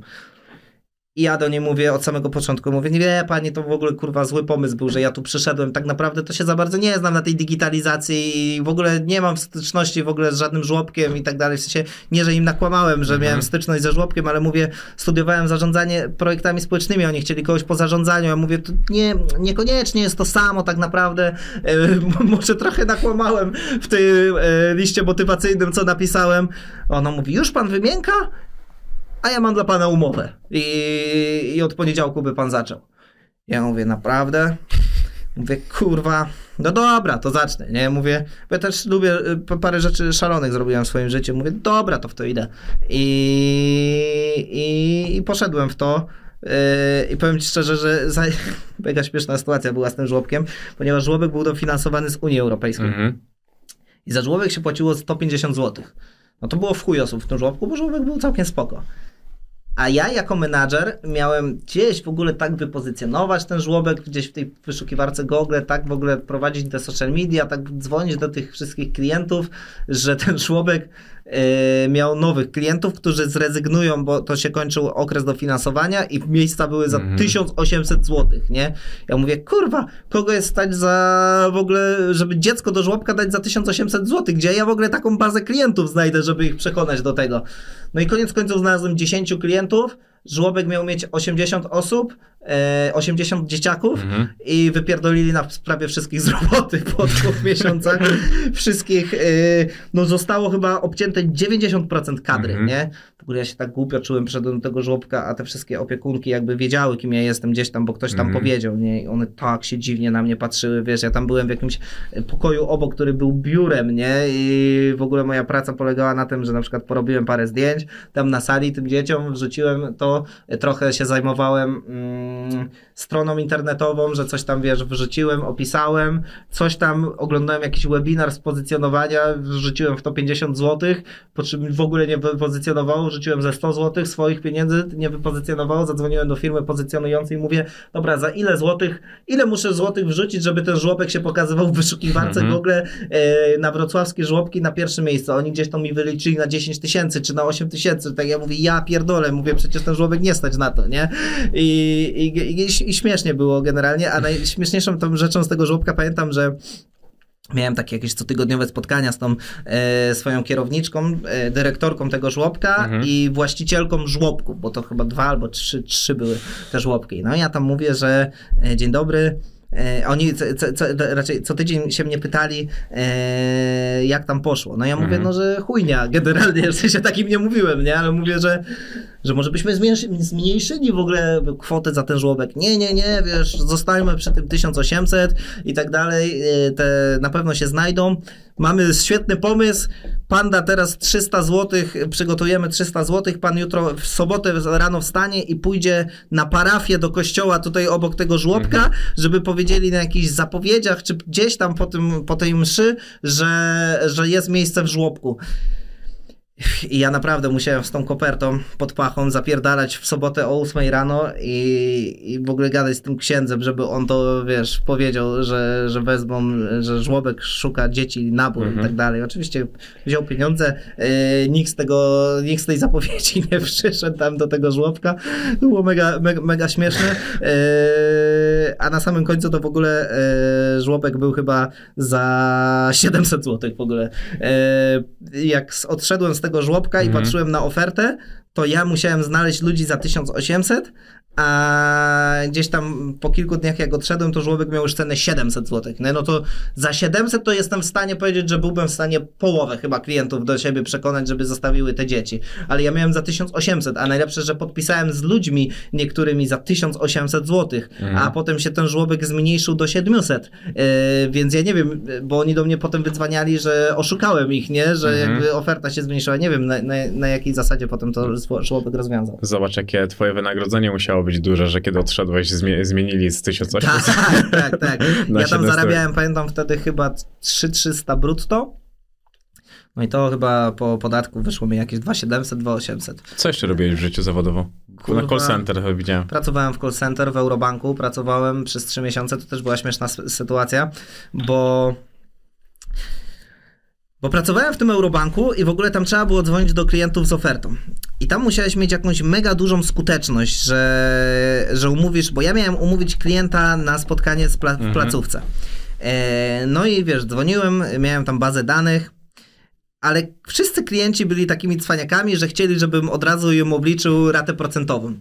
No i mi mówili, że i wiesz, i generalnie trzeba ich było trochę od tego odżegnywać, ale generalnie jak był duży nacisk, no to musiałeś im obliczyć. Miałeś taki instrument, gdzieś tam taki pasek, którym wiesz, tam wpisywałeś i tak dalej i było.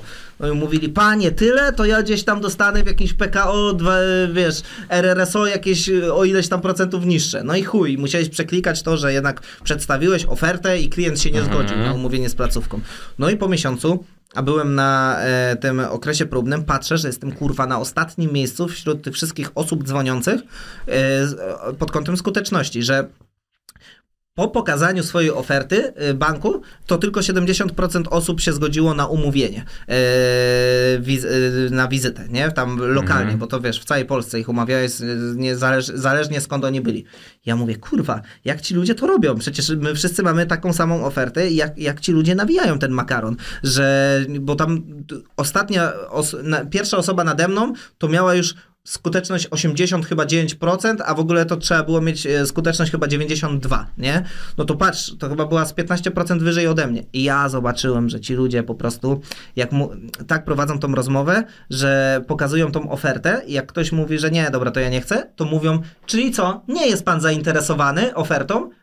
A oni, y, ci klienci najczęściej mówili, nie, nie jestem. I oni po prostu wracali do rozmowy, przeklikiwali ją na sam początek i dali, że klient nie jest zainteresowany, czyli tak jakby rozmowa się nie odbyła i nie wliczała się do rejestru tych rozmów. Jak ja to kurwa odkryłem, ten patent, to wypierdoliłem, chyba byłem drugi na ze wszystkich. Yy, naprawdę, na 30 osób byłem chyba drugi, w ogóle miałem przejebaną skuteczność, no ale wyjebali mnie z tej roboty, bo wziąłem dwa razy L4, raz na klip, raz na koncert i ktoś mnie tam w ogóle gdzieś chyba podkablował, że byłem na tym koncercie yy, i, i że tak naprawdę nie byłem chory, tylko, tylko, tylko nie przyszedłem do roboty. Też się spóźniałem tam do tej pracy, yy, chyba z 8 czy 9 razy, więc wcale się nie dziwię, że mnie z tej roboty wypierdolili, ale, ale pamiętam, że, że, że było śmiesznie. Pamiętam też, że w ogóle ludzie mnie wyzywali przez telefon, wiesz, dzwoniłem, naj, najlepsi byli ci z działalnością gospodarczą, bo ich najgorzej było w chuja zrobić, bo byli cwaniakami, bo wiesz, prowadzili sami swoją działalność i tak dalej. I teraz ich rozumiem, a wtedy ich nienawidziłem. Gościu do mnie mówi, ty chyba jesteś durniu po zawodówce, coś tam, a ja nie mogłem go obrazić. Mówię, tak, jestem po zawodówce, coś tam, ale mam dla pana zajebistą ofertę, coś tam, nie? I, i, i, I to tak wyglądało, no. I to, to było w call center, pamiętam... Mm, o, w ogóle też miałem taką dobrą sytuację, że pracowałem kiedyś jeszcze inny call center. Tam to w ogóle trzeba było dzwonić z jakimiś gównami, że, e, że dzwoniłeś do byłych frankowiczów, że, O, że jest możliwość odzyskania czegoś tam z tego kredytu we frankach, bo oni generalnie zostali oszukani, Mhm. nie? Czy tam wydymani przez państwo. I przyrzekam ci, naprawdę przyrzekam ci, że to w ogóle chyba była... tam nie wiem, ze dwie osoby się zgadzały w ogóle na, na, na dalszą rozmowę przez 4 czy 5 godzin w ogóle dzwonienia, bo wiadomo, no to tam, jak dzwoniłeś w tym Eurobanku, no to dużo osób się zgadzało generalnie, wiesz, no tam nie wiem, z 10 na przykład dziennie, to, to Mhm. był taki mój wynik. A tam w ogóle to przez chyba miesiąc to za dwie osoby się w ogóle zgodziły na cokolwiek. I tam w ogóle była taka robota, że nieważne było, o której przyjedziesz, jakby mogłeś siedzieć dwie godziny, tam miałeś płacone po prostu od godziny. Dość dobra była stawka netto, ale totalnie spierdolona baza danych, że w ogóle dzwoniłeś, nie wiem, do ludzi, oni mówili, kurwa, yy, że ja w ogóle nie mam kredytu we frankach, nie, i tak dalej. I pamiętam, że że ja po prostu tak się nudziłem, że sobie po prostu słuchałem muzyki i mi wpadały połączenia. Yy, I ja po prostu czekałem, aż mi wpadnie ze 100 połączeń i mi tych okienek się napierdoli, yy, w- wiesz, na monitorze i wtedy dałem chwilę pauzy i po prostu klikałem d, d, d, d, d, d, d, nie jest zainteresowany, nie jest zainteresowany, nie jest zainteresowany, bo to było po prostu tak statystycznie do wyliczenia, że prawie nikt nie był zainteresowany. Ale były parę rozmów mi się zdarzyło, że ktoś w ogóle nie zrozumiał, co ja do niego w ogóle mówię i mówi, dobra, to niech pan zadzwoni później. Eee, że wiesz, tak mnie zbył, że dobra, gościu wypierdalaj, zadzwoń później. Że, eee, że można to było interpretować jako to, że można by mu było jeszcze przedstawić tą ofertę i byłby zainteresowany. A mądry Filipek po prostu mówił sobie, że dobra, ten gość też na pewno nie będzie zainteresowany i dawał, że nie jest zainteresowany, nie jest zainteresowany, nie jest zainteresowany. Naprawdę ja miałem to ze stop okienek tam, wiesz, bo to takie malutkie okienka ci e, z, z wyborem, że jest zainteresowany No albo nie jest, wyskakiwały. I ja pewnego dnia przychodzę, kurwa, do, do roboty, patrzę, a moje biurko jest sprzątnięte, nie? I kurwa, wszyscy na mnie patrzą z takim współczuciem w tej pracy. Ja mówię, o nie, nie, mówię, kurwa mać. A to w ogóle była praca, do której ja jechałem chyba godzinę w jedną stronę z psiego pola, bo to było gdzieś kurwa na Jastrzębiej, na Krzykach yy, i godzinę wracałem. I, I mówią, że no Filip, że team liderka chce się z tobą spotkać. I ja tak usiadłem obok niej i ona mówi, no Filip, tutaj takie, takie to rozmowy były do zrobienia, a ty dałeś, że nie jest zainteresowany. Ja wiem, że pewnie myślałeś, że nie jest zainteresowany, no ale jednak płacimy ci za przedstawianie, e, przedstawianie, e, przedstawianie ofert. No niestety zostaje zwolniony. I ja mówię, ale chujowo, pamiętam, że wtedy kurwa usiałem, usiadłem na takim, mm, bo tam było obok takiego jeziora dość ładnego, e, znaczy jeziora, obok takiego stawu e, dość ładnego było, było to miejsce i tak kurwa pamiętam te wszystkie opinie swoich byłych dziewczyn o mnie, które, że jesteś Filip nieodpowiedzialny i tak dalej. Pamiętam, że tak mi to huczało w głowie, że jesteś nieodpowiedzialny, że kolejną robotę straciłeś. Ja mówię, jo pierdolę, ale słabo, nie? I, i pamiętam, że tam popracowałem z półtora miesiąca. Eee, I, I potem w ogóle podpisałem umowę z firmą High Life na reklamowanie ich ciuchów. Chyba dostawałem w pierwszym, w pierwszym roku 500 zł miesięcznie, że będę się pojawiał gdzieś tam na bitwach. I, i mówię, dobra, 500 zł, drugie 500 zogarnę z jakichś innych rzeczy i tak dalej, trzecie 500 z czegoś już nie pójdę do roboty. No i nie poszedłem. A nie, no poszedłem na tego menedżera, ale jakby miałem taką dwuletnią przerwę e, w chodzeniu do pracy. A jeszcze wcześniej pracowałem na stróżówce jakiejś, Kiedyś z, takim moim przyjacielem, który też rapuje z Milem e, z Warner Music, e, pracowaliśmy właśnie na takiej totalnej cieciowni, na 24-godzinnych zmianach. Ale tam była mordownia po prostu, wiesz, się jeb, jebałeś w tych ciuchach takich, na tym monitoringu, nic się nie dało, w ogóle nie można było usnąć. Gościu jakiś po zawodówce, w sensie nie, nie cisnę ludzi po zawodówce, ale taki, wiesz, 55-latek, jakiś taki debil totalny tobą zarządzał. Tragedia, tragedia. No po prostu ja przetyrałem te głupie roboty tak mocno, że naprawdę znam wartość pieniądza. I chyba życie nauczyło cię pokory. O nie, no to w chuj, ale pamiętam, że na bitwę z Tombem, to już gdzieś mówiłem, to jechałem właśnie po 24 godzinach takiej pracy, że, że też zasypiałem i ja przychodziłem do kibla, była czwarta nad ranem, a ja sobie powtarzałem te teksty na tego Tomba, wiesz, bo tam była bitwa premade'owa. Tak, tak, nie? tak, pamiętam. I mówiłem sobie, że dobra, tutaj mam jeszcze taki tekst i mówię, kurwa, jeszcze dwie godziny, nie, i tak dalej, i wiesz, i nie, no tam się po prostu kino działo, tam się, tam się kino działo. Pamiętam, że z Milem siedziałem w tej robocie i Milo mówił, kurwa, dobra, włączaj beat, nie, o trzeciej w nocy, jakiś Steel Dre i tak dalej, ciśniemy jakieś, kurwa, freestyle, bo my się tu marnujemy, coś tam, nie, i, i, i tam, że, że ja w ogóle go namówiłem na tą Mhm. robotę, bo on nie musiał iść do tej roboty, bo on generalnie jeszcze się uczył w liceum i miał, i miał pieniądze, wiesz, no bo ro- rodzice normalnie, No tak. e, wiesz, miał tam osiemnastkę pewnie, jakąś sobie zarobił, gdzieś tam jeszcze w, w restauracji pracy, jakiś dorabiał, a ja po prostu brakowało mi jakiegoś kompana, żeby ze mną szedł do tej roboty i go namówiłem. I on mówi, kurwa, zmarnowałeś mi dwa miesiące życia. Ale zobacz, e, to jest takie, taka ta historia ogólnie jest, że z takiego gościa, który zajebiście dużo czytał, od samego początku wykazywał dużą ambicję, trafiasz do takiego miejsca i Tak. musisz mieć pewności siebie, że dasz radę osiągnąć coś większego Tak, i że to to nie mnie- zdefiniuje twojego życia. Ale to mnie też nauczyło tego, że ja tak nie chcę. Wiesz, że, że ja nie chcę tak skończyć. Wiesz, pamiętam jeszcze taką rozmowę z takim gościem, no 60 lat dorabiał na emeryturze i ja tam zarabiałem na tej cieciowni 7 zł na godzinę, nie? I, I mówię, że wypierdalam z tej roboty, nie? No to już naprawdę, kurwa, zarobiłem wtedy 2000 za tego e, tomba od Winiego, mówię, wypierdalam z tej roboty, mówię.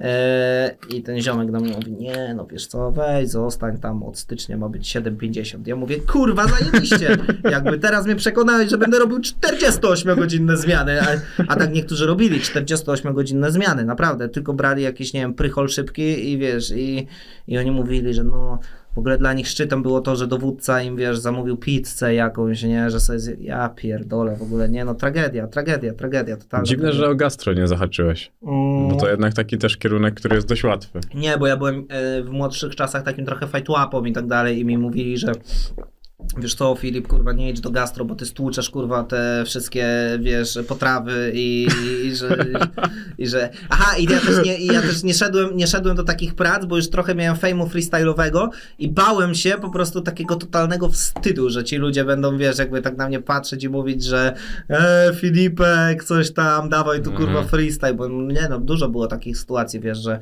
ktoś mi mówił, że gdzieś mnie tam spotkał i mówi, kurwa, dawaj freestyle i tak dalej, nie?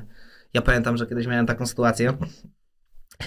jechałem, jechałem na jakiś klip w ogóle, byłem w chuj zmęczony, a dzień wcześniej pojechałem do czeskiego, on mieszkał wtedy w Oleśnicy i Mhm. piliśmy wódkę chyba do czwartej nad ranem. I kurwa, o piątej wsiadłem w pociąg, jechałem do Katowic kręcić teledysk. I pamiętam, że kurwa, cały pociąg był zapierdolony, nie? I, i, I usiadłem, był jeden wolniutki przedział, naprawdę, wiesz, ludzie o nim nie wiedzieli chyba, wiesz, wsiadłem tam i się tam kurwa zabunkrowałem. No i kurwa wszedł jakiś gościu, ja w ogóle wiesz, tak tylko czułem, że ktoś wszedł, nie? Ale nie wiem, stary, podświadomie czułem, jak on się na mnie patrzy, nie? I tak otwieram oczy, mówi, ja pierdolę, byku, babkę rozjebałeś, nie? Mówi, kurwa, weź mi za freestyluj coś, nie? Ja mówię, ja pierdolę, co za jebany dzban. Nie dość, że jestem na kacu, nie dość, że mi się kurwa chce spać, nie dość, że mam zaraz kręcić klip, to jeszcze chłop mnie prosi o freestyle. I kurwa po miesiącu przychodzę y, na fakultety z angielskiego na studiach, a tu ten gościu mówi, pamiętasz mnie z tego pociągu? Ja mówię, ja pierdolę i miałem, wiesz, miałem, miałem mega dużo takich w ogóle sytuacji. To twoje życie nadaje się wyskitu na książkę. No, no, no miałem dużo, bo, bo freestyle jest taki memiczny, wiesz, że, że gdzieś tak jak mówiłem ostatnio, wiesz, do mnie podchodził jakiś Ksajo, stary, robił Mhm. sobie z- ze mną zdjęcia, nie?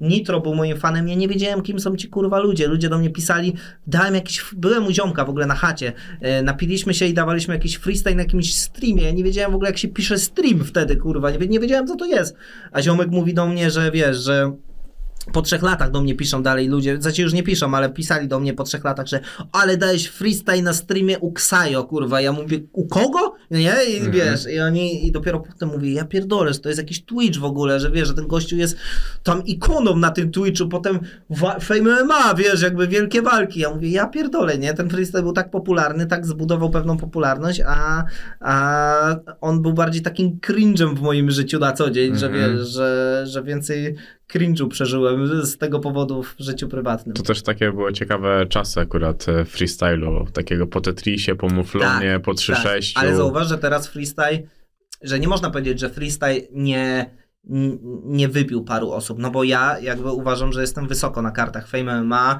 ludzie wiedzą, no tak, teraz jestem raperem jakby, ale Mhm. wiedzą, że jakby byłem freestyle'owcem, dalej pamiętają o tym, jak ten Daro Lew coś do mnie, wiesz, freestyle'ował, to ja mu odpowiadałem, wiesz, Edzio, gwiazda na TikToku, Mhm. co by, czy, czy chujowy content, czy nie chujowy, gwiazda na TikToku, wiesz, Koro, wiesz, zaangażowany w reklamę BetClicka i tak dalej, Ryba, wiesz, gdzieś tam na Fame MMA.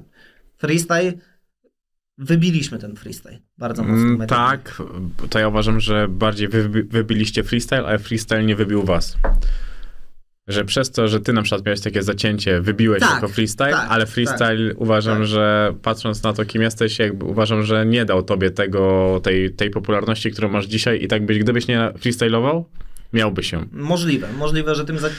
A tego bardzo, to ciekawa jest rzecz, co powiedziałeś, z którą się poniekąd zgadzam, ale której na przykład wydaje mi się, że czasami nie rozumiał jakby Tomek Biernacki, który organizował WBW, że on ma takie podejście, rozumiem to, stworzył markę WBW, ale jakby, że WBW wszystko daje, a ty po prostu jesteś kolejnym mistrzem. A tak nie jest, jakby Mm. jest mistrz i mistrz, wiesz, albo jest ktoś charyzmatyczny, albo ktoś nie jest. Moją charyzmę zbudowało to, że kurwa, wiesz, no musiałem wszystko gryźć, jakby każdy centymetr, kurwa, wiesz, jakby trawy, e, jak chciałem krok dalej pójść, więc ja totalnie nie boję się, wiesz, walczyć o swoje i nie jest tak, że wiesz, że freestyle dał mi jakąś rozpoznawalność, ale uważam właśnie tak, tak jak mówisz też poniekąd, że, że my, ja, Edzio, jakby Bober, jakby, Mhm. wiesz, żeśmy ten freestyle wybili. No nie no, jak sobie pomyślisz nawet o tym poprzednim pokoleniu, to właśnie jak już wspomniałem 3-6, a gdzie jest Escobar, gdzie jest Flint No tak. dzisiaj, gdzie Flint Tak. jeszcze wtedy z czarnym charakterem, no to Tak, była no naprawdę tak, dobra, tak, tak, e, płyta. dobra płyta, naprawdę. Teraz e, wiedziałem, że jeździ po różnych miejscach i po prostu kładzie mikrofon i, i rapuje. No, w no ta klątwa freestyle'owców była taka wszechobecna. No, tak naprawdę z tego Tak. freestylu Tetris był geniuszem, a jeżeli chodzi o muzykę, no miał ten lot, który zrobił faktycznie Miał dobre. moment. No, miał, Miał moment. Miał moment. Niewielu, no jest Białas tak naprawdę. Białas, I Białas, ale taki, Białas który... też jest na tyle charyzmatyczną postacią i na tyle pewną siebie, że że musiał się, i tak pracowitą, że mu no tyle płyt, co on wydał, tyle, wiesz, warsztatu, Mhm. jakby, który on prze, prze tego, e, jakby to powiedzieć, e, przerobił, no to on też to zawdzięcza, Mhm. też w większości sobie. Ja jestem ciekawy Koro, bo uważam, że to jest naprawdę gościu, który jest fenomenalny, ale jestem ciekawy, jak pójdzie to dalej. Uważam, że Koro ma duży potencjał influencerski. Tylko, tylko to jest to, że to jest inteligentny i trochę też introwertyczny i trochę też yy, taki z poczuciem wstydu chłopak, Mhm. jakby, wiesz, że na scenie, na scenie, ale poza sceną, wiesz, jest spokojny. Yy, ja mu ostatnio powiedziałem, nawet wczoraj do mnie pisał, napisał, co, co powinien zrobić teraz ze swoją karierą. Ja mówię, lekcje śpiewu to po pierwsze, jeżeli chcesz iść dalej w muzyce, a po drugie angażować się influencersko, jakby wiesz, no bo był też Fame MMA, dał zajebistą walkę, lubili go, ale nie, nie był na tyle jakby, wiesz, e, polaryzujący Mhm. osoby, żeby, żeby, wiesz, e, dalej to pociągnęło. A ja uważam, że to nie jest trudne, wystarczy mówić po prostu, co się myśli. Ja na przykład dzisiaj miałem wywiad z Kaniowskim i, i kiedyś miałem taką rozmowę z Takefanem, y, którą do dzisiaj wspominam. Y, Rozmawialiśmy o y, influencerach i tak dalej i generalnie mieliśmy takie samo ostre zdanie. Tylko, tylko po prostu w Takefan je mówił w wywiadach, a ja tego zdania nie mówiłem, ponieważ ja to tak bardziej dyplomatycznie, Mhm. bo nie poznałem tych ludzi prywatnie, e, wiesz, czułem jakąś powinność trochę wobec tych ludzi, chociaż nigdy z nimi nie miałem styczności, nawet jak mnie wkurwiali, a teraz po prostu walę prawdą w wywiadach i mam wyjebane, nie? I to jest właśnie to, czego musi się jeszcze Koro nauczyć. Jeżeli, wiesz, e, nie znasz osoby, wkurwia cię w internecie i zostajesz o nią zapytany, to powinieneś powiedzieć, że ona cię wkurwia i tyle. I wiesz, to nie jest wcale pas, ty nie jesteś wtedy nieszczery z samym sobą, a jakby wręcz można powiedzieć, że trochę, trochę dla tych odbiorców jesteś taki ciekawszy, o, bo Mhm. po prostu mówisz jakby prawdę. I na przykład Kajowski mnie dzisiaj pyta, co myślę o Fabijańskim. I to, to, kiedyś bym, wiesz, tak mówił, no nie, znam typa, może jest, nie, ale no znam go na tyle medialnie, że mogę powiedzieć, że jest wkurwiający. I wydaje mi się, że tego trochę Korowi brakuje. Takiej, wiesz, jeszcze, że, że boi się takiej... Mhm. Boi się konfliktu. O, trochę. Tylko pomyśl, tylko ja tak patrzę na to z takiej perspektywy, że e, gdyby Koro zaatakował dzisiaj, no powiedzmy, takiego Sebastiana, to tak na zasadzie jakby uryzł go komar, No tak. bo jest kompletnie nieznaczący i często krytykując by, by było coś takiego, że próbuje się na tym wybić. I poniekąd No, to... Tak, a to musi, wi- wiadomo, to musi wiele rzeczy iść za tym i tak dalej, bo na przykład uważam, że moje słowa wobec Fabijańskiego więcej ważą niż słowa Kora wobec Fabijańskiego. Ale to wiesz, to dlatego mówię to tak holistycznie, całościowo, że wiesz, że jak mnie pytał, co powinien zmienić, no to wiesz, to była tylko jedna z Mhm, części okej, jakby no tak. składowych. Bo to jest e, też bardzo, bardzo istotne, żeby po prostu mierzyć siły na zamiary, nie? No, bo jeżeli, nie wiem, my tutaj byśmy krytykowali obecnie papieża, no to nadal to, No to tak. zostało tutaj, więc też trzeba, po prostu trzeba mierzyć e, siły na zamiary, no i to, co powiedziałeś, to, że jeżeli chodzi o śpiewanie, to jest teraz bardzo istotne. Sam mówisz, że muzyka się coraz bardziej spłyca i bardziej liczy się forma niż... e, Melodia. No tak, ja uważam, że jest tak samo jak kiedyś było z rokiem, że radia bardzo chętnie chciały rock, ale trochę chciały go tak, żeby był delikatniejszy. Powstał pop rock.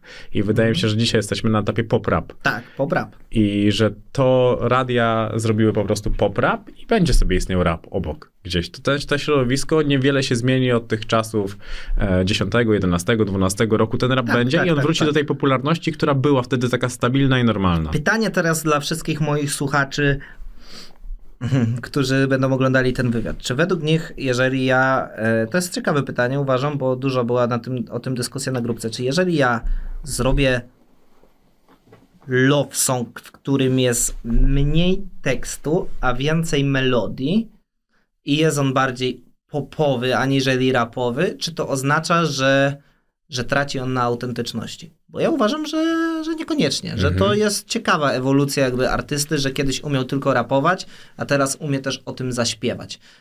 Na nieszczęście, oczywiście jest dobre zaśpiewanie od chujowego zaśpiewania, Mhm. wiadomo. Na nieszczęście czasami mojego odbioru nowej płyty dużo osób jakby e, myśli, że ja zrobiłem płytę do radia. Tak naprawdę chuja do radia zrobiłem, w radiu e, jakby e, hulał numer z ruskie fajki, ale sami się do nas odzy- odzywali. Ja po prostu wyśpiewałem w niektórych Mhm. momentach swoje emocje, ale nie uważam, że one byłyby przez to mniej autentyczne. No ja uważam, że kompletnie nie. Zresztą sam mówisz, że teraz słuchasz e, Post Malona. Tak. To uważam, że to jest akurat świetny przykład. W ogóle jego historia też Post jest... Malone, jakby y, Machine Gun Kelly, y, który miał po bifie z Eminemem już się w ogóle nie wybić, wiesz, jakby kurwa, już miał być nikim i tak dalej. Eminem go zaorał. Eminem go zaorał, taka Mhm. prawda. Ale no, odnalazł się, wiesz, jakby w śpiew... Bo ludzie ciągle myślą, że kurwa, śpiewać jest łatwo, śpiewać każdy może. No nie, nie, jest tak, jakby, jakby każdy śpiewał, to każdy byłby zajebisty, a wiesz, to naprawdę to są, nauczyć się, wiesz, to jest kształcenie słuchu jakieś, yy, ludzie, nie wiem, myślą, że Gibbs się urodził z takim głosem i tak dalej. Nie, no chodził do szkoły muzycznej, jakby w tej szkole muzycznej yy, uczył się różnych rzeczy i tak samo na przykład ja się teraz uczę, a mnie tylko wkurwia czasami, jak ludzie nie doceniają na przykład umiejętności, yy, jaką jest śpiewanie, która, która też wymaga jakby czasu i mówią, dobra, to jest gówno, jakby kiedyś rapował, a teraz śpiewa. Ale kurwa, pokaż mi kogoś, kto freestylował, był w tym dobry, potem rapował, był w tym dobry i zrobił na tym złotą płytę, a potem jeszcze kurwa śpiewał jakby, no to jest kolejna umiejętność jakaś, nie? I tak Mhm. po prostu mnie czasem wkurwia taka e, płytka ocena ludzi, którzy nie widzą e, włożonej pracy. To przejmujesz się takimi ocenami jeszcze?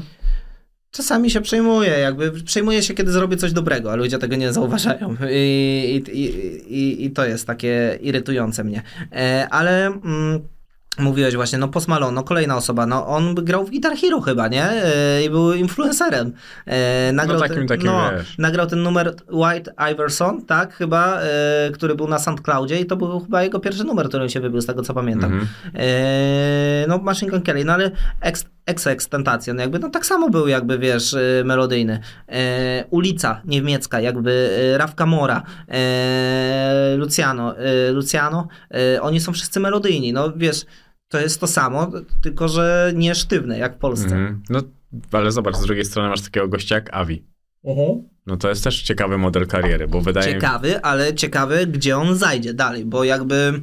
no syndrom Eldoki może go spotkać. Wiesz, dokładnie, jakby no uważam, że, e, że jednak będzie, z, będzie musiał słuchacza zaskoczyć. No nie wiem, czy, e, wiesz, ja mu bardzo kibicuję, nagrałem z nim utwory, e, bardzo go lubię jako człowieka, ale też, wiesz, mówię czysto obiektywnie. Uważam, że jakby może wybrać kilka jakby tak naprawdę kierunków teraz w swojej twórczości albo powiedzieć sobie, że już murą głowy nie przebije, że to jest sky's the limit, raczej inaczej, że to jest limit ten, który mm miliony wyświetleń, jakby wiesz, tej muzyki e, na ostatniej płycie i po prostu teraz zrobię sobie bardziej niszową płytę i będę miał to grono fanów.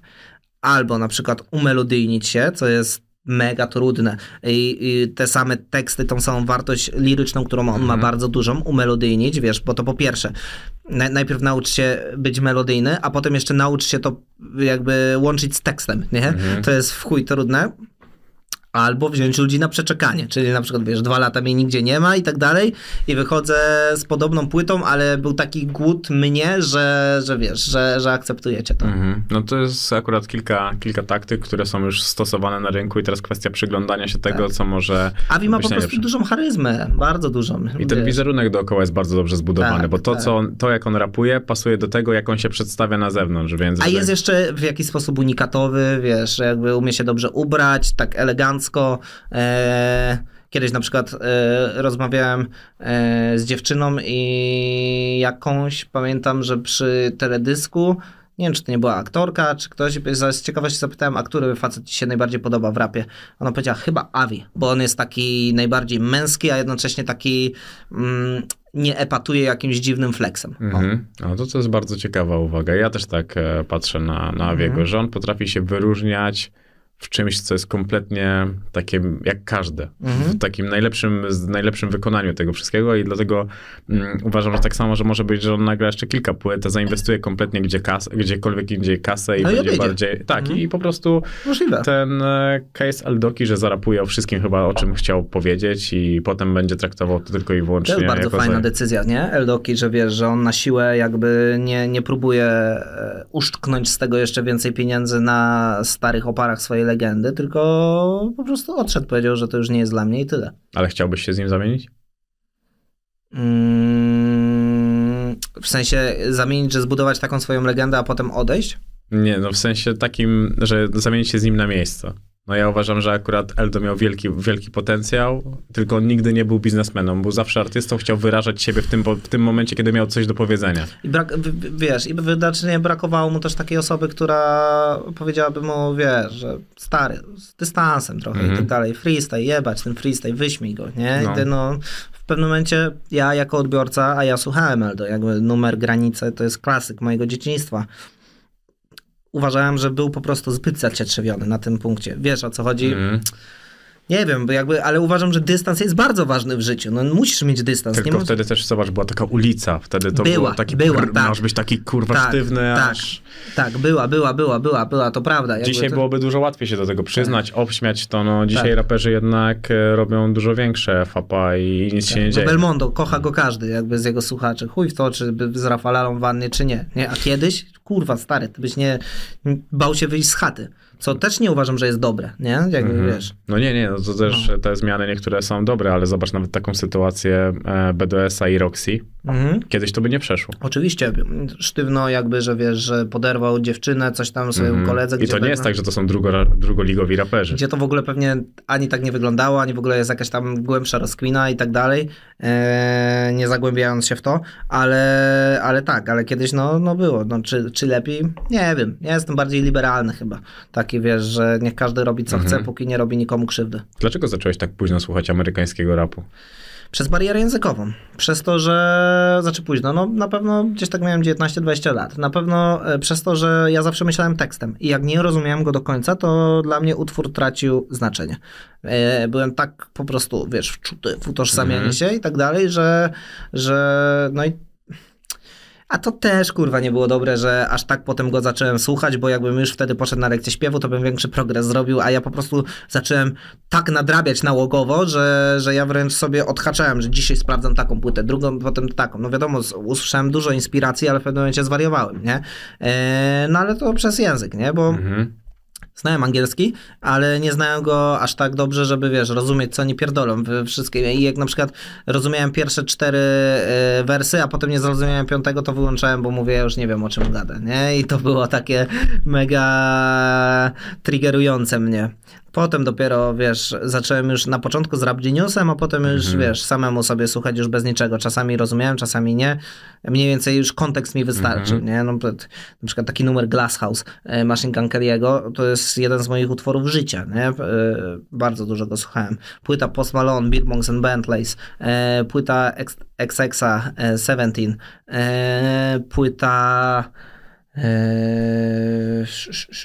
Eminema Recovery, no jest kilka takich jakby, wiesz, płyt, które ja e, bardzo lubię takiego rapera e, Boogie with a Hoodie. E, no jest tego trochę, ale potem też tych amerykańskich raperów wypierdoliło, tych Lilów i tak dalej. E, tyle, że ja zwariowałem, już przestałem. O, Jack Harlow, o, taki ostatni gościu, którego tak mocno katowałem. Okej, no i też nie masz problemu z mówieniem takich polskich ksywek, kto ci się podobał, kto nie, bo jednak A ja w ogóle uważam, że polski rap jest obecnie tak dobry, że wystarczy słuchać polskiego rapu. No Ale- serio, jakby... Ale zobacz, jak dużo raperów nie mówi. Mówi często, No, że nie słucha. No tak, bo to kiedyś był taki flex, że ja rozumiem, a ty nie jestem dalej niż ty. A to chuja prawda. Stary, Reto, pierwsza osoba, której dużo słucham pod kątem warsztatu. No bo słucham głównie Mhm. pod kątem warsztatu. Chociaż jak numer jest cały, no to potrafię go nucić. Guzior, kolejna osoba. E, Gibbs. Mm, stare płyty Sariusa. E, No, ale stare płyty Seriusa to jest dzisiejszy gips. Tak, ale Gibbs y, w, takiej, te, te, no w takim bardziej melancholijnym, poetyckim wydaniu Mhm. uważam, że on ma większą poetyckość niż Sarius. Sarius miał więcej sznytu ulicznego i Mhm. teraz co kto woli. Tak, nie? tak, tak. E, PZ. Sz- sz- sz- sz- kto jeszcze? Boże. Mm. No wymieniałeś kiedyś, że chciałeś mieć numer Stako, Tako, dokładnie. To jest jego, jego starsze jakby... e, z liceum Bonson. No Bonson, Bonson, no tak, ale to, to ob, obecnie, nie? A Mhm. teraz trochę Bonsona mniej słucham, ale, ale w liceum no to byłem jego psychofanem. W ogóle Bonson jest chyba jedyną osobą, z którą ja sobie zrobiłem zdjęcie e, w swoim życiu, wiesz, po koncercie, e, albo przed koncertem nawet, wiesz. Ja jak go poznałem, kurwa, jak miałem 18 lat na WBS-ie, to była Wielka Bitwa Szczecińska, ja ją wygrałem i na melanż nas zaprosili i był tam Bonson, który grał wtedy koncert po płycie Historia, po pewnej historii. O, Ja kurwa siedziałem jak na audiencji u papieża. On mi mówił jakieś rzeczy, a ja kiwałem głową i prawie kurwa, wiesz, jakby mu łbem przyklaskiwałem o podłogę, że wiesz, że to jest na pewno racja życiowa, wiesz, ja z nim piłem wódkę chyba do ósmej nad ranem.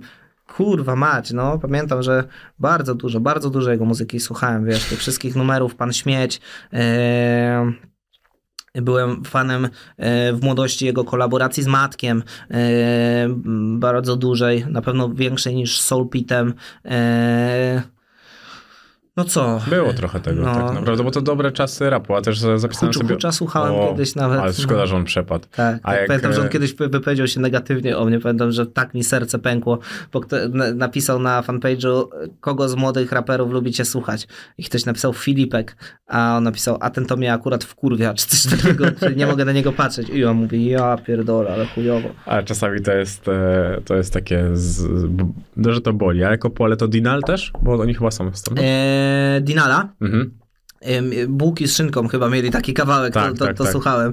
E, bo Dinal to był Discret i Smarky Smark, Mhm. To, to Smarkiego dużo lepiej wa- Oj, smarki, tak, No. no, jak najbardziej. E, on miał też, wiesz, takie, aha, wiem kogo słuchałem jeszcze, 834, przecież VNM-a z tym Boxim, kurwa, no, słuchałem. Świetne Jimsona słuchałem przecież w chuj, no, No, przecież Umrę Gorączka młodo, w no. Parku Igieł, Umrę Młodo, ja to kurwa, ja pierdolę, pamiętam, że kiedyś na jakichś zajęciach, już nie pamiętam, z wiedzy o społeczeństwie, trzeba było przygotować kawałek, który puścisz przed całą klasą, chyba to było w liceum i ja przygotowałem numer Nie ma Boga Jimsona. O, jest, a słuchałem dzisiaj. No i, i kurwa, pamiętam, że no nie, no gościu był przepotężny lirycznie. Jego beef z VNM-em w ogóle, jakie to były, jakie to były czasy, wiesz, no. Mhm. VNM-a też trochę słuchałem, e, nawet, nawet dużo go słuchałem, wiesz, tych jego płyt e, Dreams Comes True chyba. Ja w ogóle lubię ten kawałek To Mój Czas, tam jak on debiutował to mój prosto. czas, ale jeszcze pamiętam te jego numery comeback jak Jay-Z. Tak, tak, tak. E, Pamiętam taki numer Efekt Motyla. Efekt motyla, no dokładnie, to był chyba jeden z moich ulubionych numerów w ogóle w polskim rapie. Naprawdę, efekt motyla e, z Boxim. Oni się po cztery wersy tak Mhm, chyba mhm, e, tak, tak, przemieniali wtedy. Ja pierdolę, jakie to były genialne czasy dla polskiej muzyki. Ja to miałem opisy na gadu-gadu, kurwa, z tych numerów. No. Ja uważam, że Jimson, gdyby dzisiaj rapował, i tak by był turbo mocnym gościem. Nawet jak sobie dzisiaj to odpalałem, to on się w Tekstowo. ogóle nie zestarzał. Tekstowo. Hansa z 5 2 No. bardzo słuchałem kiedyś. No. Ale ostatnio w jakimś wywiadzie mówisz o jakimś gościu na R i też tego słuchałem. Nie pamiętam... Mm, Ale z przypo- Polski? Mhm. Kurde, nie pamiętam o kim mówiłeś, ale... posłu- Rower? Chyba, rowera to na pewno, ale tam o kimś takim... E, kurde, nie pamiętam kto to był, ale przypomniałeś mi tą ksywę i mówię, muszę sobie to na YouTubie odpalać. No, tam było jednak dużo tych fajnych, e, fajnych rzeczy. No zresztą jak e, mm, były te wszystkie popkillery, młode wilki, jak były te miasta, które robiły te swoje kawałki, Tak, to, tak, tak, to tak, też, to tak, też tak, przecież tak. było zajebiste. Naprawdę hip-hop miał się bardzo, bardzo dobrze. Sitka słuchałem. No, sitek, no to sztos, nie? No. On Akurat- się zawsze podobał dziewczynom. Mówię, kurwa, ten gościu to ma przewózkę, to ma styl. No. A jak uważasz, że tekst, pisanie tekstów dla kogoś jest ok? W rapie? Bo te, tej barier- tą barierę chyba jeszcze, jeszcze będziemy przełamywali w tej muzyce. W dzisiejszym rapie chyba tak, ale ja bym chyba się nie podjął pisania tekstów dla rapera. No, e, dla popowego wokalisty może, ale musiałby być to giga zdolny typ Mhm. muzycznie. Natomiast, e, natomiast, natomiast, e, no nie, chyba dla rapera nie. Jakby, jednak uważam, że co w kulturze, to w kulturze. Jeżeli e, chcesz śpiewać, to spoko. Natomiast no, rap był dla mnie takim zawsze wyznacznikiem tego, że, że ludzie no, po prostu opisywali to, czy to Mhm. było niszowe, czy to było przez chwilę bardzo popularne. W sensie dalej jest popularne, ale uważam, że już rap jest coraz mniej popularniejszy. Uważam, że jest teraz rap pop. Czyli pisanie tekstów dla rapera. Mm. W mojej interpretacji rapu nie jest to jakby dobre, ale już się przestałem jakby totalnie, wiesz, kopać z koniem, jeżeli ktoś to robi.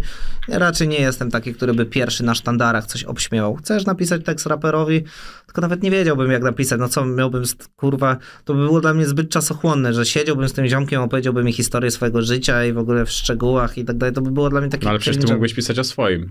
No co takie... A nie, to już w ogóle bym tak się na to nie zgodził. Nie, nie, nie. To ja już tylko to rozważałem pod kątem tego, że ten ziomek by mi wytłumaczył, o czym mam mu napisać Mhm. i ja bym tak mu napisał. A nie, żeby ktoś zarapował mój kurwa tekst, to i chuj mu w dupę w życiu. No.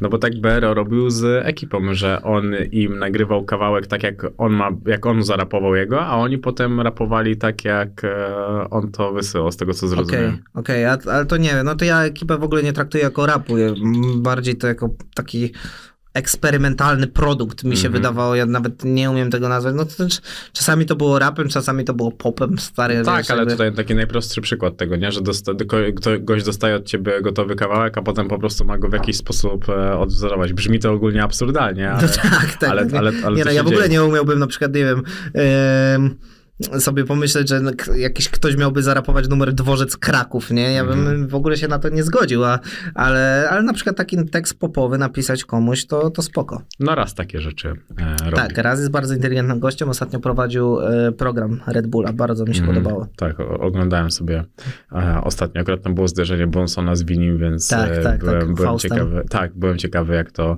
jak to wiedział. Co sądzisz w takim wypadku o graniu z pół playbacku? Jednak to już jest coś takiego, co rap zdominowało. Tak. I szczerze, okej. Kiedyś miałem coś takiego, że byłem bardziej konserwatywny, ale trochę życie mnie zmusiło do tego, żeby nie być, ponieważ z niektórymi producentami już nie mam kontaktu. I nie miałem po prostu bitów do niektórych kawałków, wiesz, bo już gdzieś nie miałem tego komputera i tak dalej i pisałem do nich, oni mieli mnie w chuju i ja mówię, kurde, co tu zrobić, nie? No i mówię, no dobra, ściągnę ten kawałek, może nikt się nie połapie, wiesz, to na początku było, że jeden taki numer ściągnąłem, nie?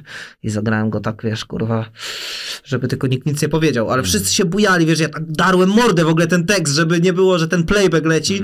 I wiesz, tak mm, potem ktoś mi powiedział, na chuj tak mordę darłeś, nie, na tym koncercie przy tym kawałku, mówię, no bo tam z tyłu leciał tekst, ale ja nie miałem bitu i tak dalej, mówię, wszyscy się zajebiście bawili, jakby, wiesz, totalnie, więc szczerze, nie. Liczy się dla mnie. Wiem, że na przykład ktoś myśli inaczej. Na przykład Gibbs jest taką osobą, która totalnie tak nie interpretuje muzyki, ale dla mnie nie. Jeżeli wiesz, jeżeli. E, jeżeli e, umiesz e, zrobić show przy tym, to, to wiesz, to nie ma problemu, wiesz. Ja nie, ja nie mam problemu z tym, żeby powiedzieć, że na przykład taki numer jak Mała S, gdzie jest tam refren e, z tobą czuję więź, nawet gdy nas dzieli dystans. Ja tego, nie, ja tego nie zaśpiewałem za pierwszym razem. Ja to zaśpiewałem chyba za czterdziestym razem, wiesz, żeby wejść w ten dźwięk. Ja wiedziałem, że na niego wejdę, ale jeszcze nie śpiewam tak perfekcyjnie, żeby, żeby wiesz, ja potrzebuję, do, już już umiem zaśpiewać, ale dajcie mi czas, żeby być w tym regularny. Dlatego wiesz, na koncercie mam to gdzieś tam z tyłu, wiesz, ten, ten moment, takie Mhm. najtrudniejsze momenty, ale stary, ja w ogóle, wiesz, znam wszystkie swoje teksty na pamięć i jak grałem koncerty, to, to jakby to nie był mój, to, to, to nie było problemem e, dla ludzi, żeby, żeby tego, żeby, że grałem tam, trochę miałem jakiś tam Mhm. playback. Znaczy nie no, trochę to jeszcze rozumiem. Ja akurat y, lubię iść na koncert, dlatego, bo ja chcę zobaczyć, jak raper rapuje na Okej. żywo. Gorzej uważam, że jeżeli to typ nie umie tek- tekstu i tylko podbija jakieś, wiesz, losowe wersy, takie co, co, co dwa, no to to jest cringe. To już No jest to już, cringe. jest, to już jest za grubo jest akurat, jeżeli chodzi o to, ale no nadal staram Widziałem się jakiś myśleć. koncert Sentino, tak? Jakby, ale to też nie chcę pierdolić, tylko widziałem jakieś opinie, że, że on tam nie znał tekstów i, i, i jakby podbijał losowo. To ja słyszałem coś takiego od mojego znajomego, ale też tego nie widziałem na, na sam, więc Okej. nie chciałbym za bardzo potwierdzać, No ja jeżeli też chodzi o Sitka. Mhm.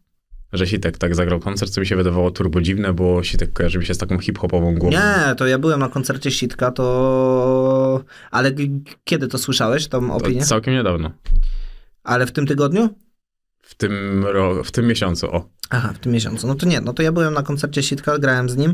Eee, już nie pamiętam, chyba z Mhm. dwa miesiące temu, to nie, to zagrał bardzo mocny koncert. Okej. A co sądzisz o polityce ciszy wśród raperów? No mnie na przykład teraz ciekawi powrót Kubana. Czy to się uda? Cisza też musi być do jakiegoś stopnia. Stary, jeżeli ciszę tak mocno przedłużysz, że już się zmieni w ogóle cała interpretacja muzyki, która była modna w momencie, Mhm. w którym ty, e, ty wydawałeś tę muzykę, to to jest złe. Jakby wiesz, no cisza okej, rok, nie? I tak Mhm. dalej. No może nawet półtora, ale kurwa, no pięć lat, jakby, no to nie, no to... Ciekawi mnie mega sytuacja z Kubanem. Ostatni raz go widziałem na koncercie Storm z jego w Stodole, na który sobie Mhm. przyjechałem, bo jestem fanem. E, I, I też go, coś tam z nim chwilę gadałem, ale jest to dla mnie bardzo enigmatyczny gość, ponieważ e, nawet jak się do ciebie uśmiecha, to wiesz, nie wiesz, czy, czy jakby sobie jaja robi, czy, czy nie robi. Ciężko od niego było wyciągnąć to, kiedy wraca. Mhm. Słyszałem już, wiesz, o powrotach w tamtym roku, słyszałem o powrotach w tym roku. Nie wiem totalnie. Mhm. E, I uważam, że przerwa jest za długa. Naprawdę przerwa jest za długa. W międzyczasie e, nie, powstało mnóstwo rapowych ksywek, które potem jeszcze opadły. Haj. Chłopie, przez te 5 lat to wiesz, White Widow, Rusina, jakby wiesz, to są tak. totalnie jakby już inne odłamy rapu. E, kurwa. E, mnóstwo, wiesz, Fame MMA powstało, wiesz, no mnóstwo jakieś, wiesz, ruskie fajki jakby zaczęła śpiewać. E, mnóstwo rzeczy jakby zostało, no, raczej mnóstwo osób jakby, wiesz, y, nagrało swój pierwszy kawałek i stało się gwiazdami. I ja nie wiem, czy już jest tylu odbiorców, którzy czekają. Może czekają, ale no, no nie wiem. Jeszcze Wie- jakby, wiesz, pamiętaj jeszcze taką swoją e, przemyślenie, że jeszcze jakby on na przykład przez te 5 lat na przykład siedział i nauczył się grać na pianinie, na przykład, albo wiesz, robić bity swoje, e, śpiewać i tak dalej i by wszedł z takim powrotem, wiesz, jakimś takim zupełnie alternatywnym, na który nikt, nikt, nikt nie oczekiwał takiego powrotu, no ale jeżeli on wejdzie w starej wersji siebie, no to wydaje mi się, że może nie być tego wow. No, też mi, też mi się tak wydaje akurat, jeżeli chodzi o to, ale zobacz, jego zmiażdżyła krytyka. Pomyśl sobie, że nie pamiętam takiej sytuacji, żeby Tak, na strasznie. tyle mainstreamowy raper usunął swój numer z YouTube'a, bo został zmiażdżony przez krytykę. Strasznie, strasznie. Jakby to nie rozumiem tego. Albo może po prostu ja mam za mocną skórę. Mnie Nie, no to ni- nikt chyba tego nie zrobił. Mnie nie głaskali, więc ja bym w życiu tak nie zrobił. Ja nagrałem taki numer Księżniczki i Smoki, który jest głównym totalnym i do dzisiaj się z Boberem śmiejemy na domówkach. Bober mówi, kurwa, zaraz puszczę ten numer ha! i biegnie do głośnika, e, ale no nie przyszło mi do głowy, żeby wiesz, no to są, wiesz, etapy w życiu i tak Mhm. dalej. No to tylko pokażę takiemu słuchaczowi, że patrz, jakim ja byłem kiedyś głównym, a teraz jaki jestem dobry. I wiesz, i... Nie rozumiem, nie rozumiem, naprawdę. Eee, no myślę, że sam sobie zrobił krzywdę, chociaż no, też nie chcę, wiesz, uzurpować sobie prawa do opinii, jeżeli on w tym czasie e, założył dom, rodzinę, wiesz, jakby odstawił używki i żyje mu się zajebiście, no to wiesz, ja go wtedy spotkałem, pamiętam, w 2019, nie, w 2020, w lutym, pamiętam, że dużo mówił o tym, że, że chodzi, że dużo sportu uprawia i tak Mhm. dalej, że chodzi sobie na kickboxing i że jest zajebiście. A to ten koncert był dwa lata temu już? Tak. To myślałem, że zaskoczył cię fryzurą, chciałem zapytać. Wiesz, że teraz ma długie włosy? Co? Długie, kręcone. Co ty gadasz? A kiedy go ostatni raz widziałeś? Mm, miesiąc temu? Tak? Co ty gadasz? Nie miałem pojęcia zielonego. No, tam. dlatego, dlatego jestem ciekawy, e, co tam, co tam się wydarzy i, i jak, jak to będzie działo. Jeszcze zahaczając o Fame MMA, nazwałeś to bardzo mocnymi słowami, że na koniec dnia Fame MMA, Fame MMA jest dla ciebie uwłaczające, bo chciałeś w życiu robić ambitne rzeczy. Znaczy, hmm, to nie jest tak, że to jest zero-jedynkowe, że to jest dla mnie uwłaczające. Na pewno poniekąd jakby czuję yy, lekką plamę na honorze swoich wartości, które kiedyś wyznawałem. Natomiast życie nie jest zero-jedynkowe, tak mhm. jak mówię i wydaje mi się, że jakbym postawił starego Filipa, takiego, który miał 19-20 lat i tego nowego, który ma 27 lat i poszlibyśmy na obiad ten z tym, i byłbym w stanie mu wytłumaczyć, dlaczego to dzisiaj, że to jest droga. Ale, ale faktycznie jest czasami coś takiego, że wiesz co, na przykład patrz, ja to na przykład tak interpretuję, że to jest fame MMA, jakby, że to jest y, trochę trochę ludzie płacą za, za cyrk, trochę mhm. płacą, płacą za walki, trochę za to, że lubią kogoś. Trzeba wytworzyć jakąś specyficzną atmosferę. Jeżeli jesteś mało inteligentny, to zwykłą agresją to robisz. Jeżeli jesteś w miarę kreatywny, to to po prostu jakoś ciekawie ugryziesz, chyba, że kogoś naprawdę nie lubisz. No i wiesz, jak podszedł do mnie ten Daro Lew na pierwszej konferencji i coś tam powiedział do mnie, ty kurwo jebana i tak dalej, tak vis-a-vis, nawet bliżej niż my siedzimy, to faktycznie później jak wróciłem na chatę, E, wiadomo, ja się tam na niego rzuciłem, rozdzielili -hmm. nas. Pamiętam, że później jak wróciłem na chatę, to czułem się taki skołowany, że i nigdy nie chciałem doprowadzić do tego, żeby mnie ktoś nienawidził. Wiesz o co chodzi, -hmm. że mhm. tak wiesz, że, żeby miał mnie za kurwę. Z drugiej strony, tak jak mówiłem, że to środowisko jest bardzo gęste i to jest trochę jakbyś poszedł do więzienia, że to ja nigdy nie byłem w więzieniu, ale wiadomo, opieram swoją wiedzę mm -hmm. na dokumentach, ewentualnie jakichś, e, i, jakichś interpretacjach moich znajomych, którzy byli, ale że tam są po prostu swoje prawa i tak dalej. I ty możesz się buntować, możesz mówić, że będziesz inny, ale wchodzisz między wrony, musisz się nauczyć -hmm. krakać jak one. I, I tak trochę jest. Więc ja na przykład wchodząc do Fame MMA, praktycznie za każdym razem jestem czujny, że ktoś może wyjść i mi wypierdolić bułę, no, że mogą być jakieś krzywe sytuacje, ponieważ no, jest jest gęsta atmosfera, którą można ciąć nożem, są konflikty mm -hmm. i tak dalej, ale na samym końcu jest jedno z naj, największych show w Polsce tego dnia, a tak naprawdę największe, a może i w skali roku. Mm -hmm. e, kolosalne pieniądze, które ktoś dostaje za to e, i mnóstwo osób na twoje miejsce. No tak, to prawda. A byli ludzie, którzy mówili tobie, żebyś tego nie przyjmował? Tak, tak, było dużo osób, jakby była, wiesz. Yy... No dużo rozmów jakby od osób, które ja znam i szanuję, mówili mi, że Filip jakby, yy, że chcesz być legendą w rapie, a tutaj taka i taka rzecz, jakby, yy, że miałem Miałem też wrażenie, że niektórzy, na przykład, którzy ze mną nagrywali kawałek i którzy mnie bardzo lubili, po jakimś czasie przestali ode mnie odbierać wiadomości. To jest tylko takie moje przypuszczenie, ale właśnie przez to, że mhm. gdzieś tam im się wyświetliłem w jakimś clickbaicie, nie weszli w to e, i uznali, że ja po prostu się pruję do kogoś od tak bezsensownie.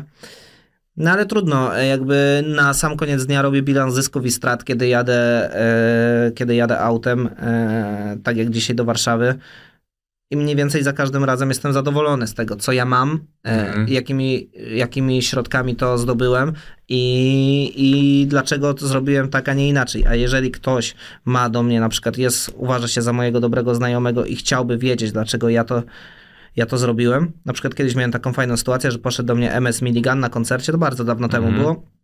Powiedział, o jest, Olon No i powiedział, stary, dlaczego zremiksowałeś Disco Polo? Nie chciałbym o tobie mieć opinii i tak dalej, negatywnej, dopóki nie, nie poznam twojej, e, twojego zdania. I, I ja mu wytłumaczyłem to i tak dalej. On powiedział, ok, teraz rozumiem. Dalej uważam, że to był głupi pomysł, ale rozumiem twoje pobudki. Tak samo Hmm, tak samo kiedyś, jak robiłem płytę, jeden z gości yy, nie podobało mu się, bo dograł zwrotkę. Trochę zapomnieliśmy o tym kawałku. Ja tam dobrałem paru gości yy, do tej zwrotki i po jakimś czasie do mnie zadzwonił i powiedział, że oj, ziom, chciałem mieć numer tylko z tobą i tak dalej, a tu jest paru gości i wiesz, czuję się trochę źle potraktowany, ponieważ ja bym z nimi nie nagrał, ponieważ się z nimi, nimi nie jarałem i tak dalej i dlaczego tak, yy, dlaczego tak się stało. No ja wytłumaczyłem, że może dlatego, dlatego, że był między nami miscommunication, że trochę zaniedbaliśmy ten ten kawałek, potem chciałem, wiesz, zrobić z niego jak najbardziej bęgierowy kawałek, żeby było dużo osób i, i tak naprawdę, że cię przepraszam, jakby po prostu za dużo na głowie i myślałem, że ty też trochę osrałeś ten kawałek i tak dalej. Okej, rozumiem, jakby nie ma żadnego problemu. I wiesz, i to chodzi głównie o to, że ja tym znajomym tłumaczę, tak, to co, mam iść teraz, kurwa, jako menedżer żłobka za 3300 albo, albo nie wiem, robić od razu na siłę kolejną płytę e, i to będzie zajebiste, e, zamiast zbierać inspiracje, zamiast przeznaczyć te pieniądze na lekcję śpiewu, zamiast przeznaczyć te pieniądze na, na podróże i tak dalej, a poza tym na koniec dnia ja i tak robię to, co lubię, bo ja zawsze się musiałem napierdalać i ja się lubię napierdalać. Wiadomo, nie jestem żadnym patusem, nie zaczepiam nigdy nikogo pierwszy, ale, ale koniec końców ja to lubię i tak dalej. Mam jakiś taki chory swój instynkt, który, któremu się to podoba i ja nie robię nic wbrew sobie, a wręcz dobrze wyglądam, bo jak na przykład jest jakaś waga i tak dalej, to, to muszę trzymać kalorykę i co? I, le, i mówię, lepiej dla ciebie będzie, jeżeli ja, e, jeżeli ja tego, jeżeli ja będę e, zapuszczony, będę chlał i będę udawał, że to jest, jestem teraz artystą. No, nie, tak nie jest, kurwa, fakt. Czasami mnie nie widzisz przy jakichś osobach, z którymi jest mi wstyd, że, że, że przy nich stoję, ale grając na festiwalu rapowym też często grasz z osobami, które robią chujową muzykę, albo przynajmniej tobie się wydaje, że jest chujowa, ale koniec końców jakby gracie na tym jednym festiwalu i bierzecie za to pieniądze i tyle. No tak. To Fame podał ci rękę? Tak. Fame podał mi rękę. Tak uważam i jestem im bardzo wdzięczny. I uważam, że jest to świetna platforma do e, promocji swojej osoby i do zarobienia pieniędzy i w ogóle do odwdzięczenia się za to podanie ręki, tylko po prostu trzeba to zrobić w dobry sposób. Też. Też mi się to podoba, jak ty powiedziałeś, że mm, ludzie potrzebują tego amerykańskiego luzu i że jak już wchodzisz w te face to face, te cage, no to wiesz po prostu po co tam jesteś No i co masz dokładnie, jakby wiesz, y, nie możesz potem się buntować, wiesz, jakby to kurwa, wchodzisz, wch- wchodzisz do świata, który się oznacza e, pewną, pewną regułą i pewnym zachowaniem. I to nie oni się mają podporządkować tobie, tylko ty się masz podporządkować temu światu, ponieważ to ty bierzesz za to benefit i to i bierzesz benefit, nie oszukuj się ziom, bierzesz benefit, który, którego byś nie dostał w, y, robiąc takie same rzeczy gdzieś indziej, więc, y, więc y, uwierz, że wchodząc tam, w sensie jakbym teraz tłumaczył takiej osobie, uwierz, że wchodząc tam, to nie ty jesteś pępkiem świata. No tak, to prawda. E, to ile dzisiaj procent dostajesz więcej niż za pierwszą walkę w Fame MMA?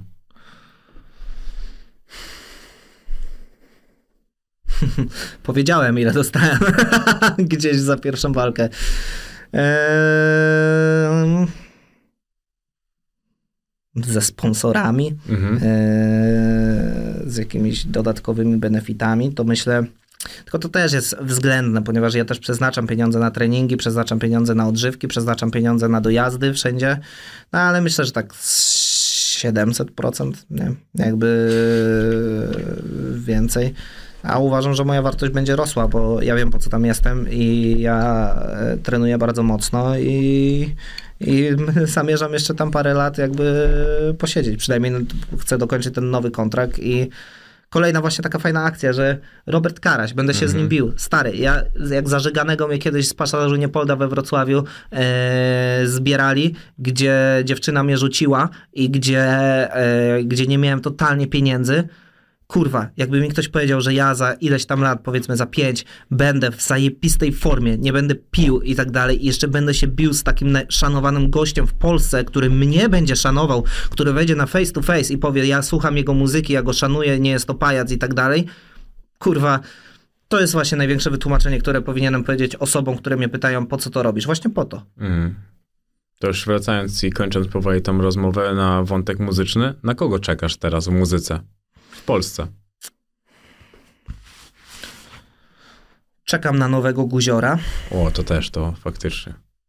czekam na nowego Reto. A teraz chyba niedługo, nie? To płyta. Tak. Yy... Czekam na nowego Okiego. Jako benchmark, żeby. No bo ten gość jest mega zdolny. Jest strasznie zdolny. Tak. Czekam na nowego Białasa.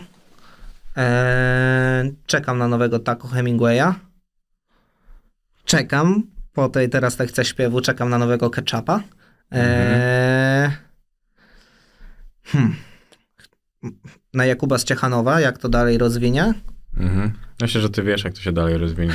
No gdzieś tam mam zarys tego, ale i tak mnie Kłebo zaskoczył tym ostatnim numerem.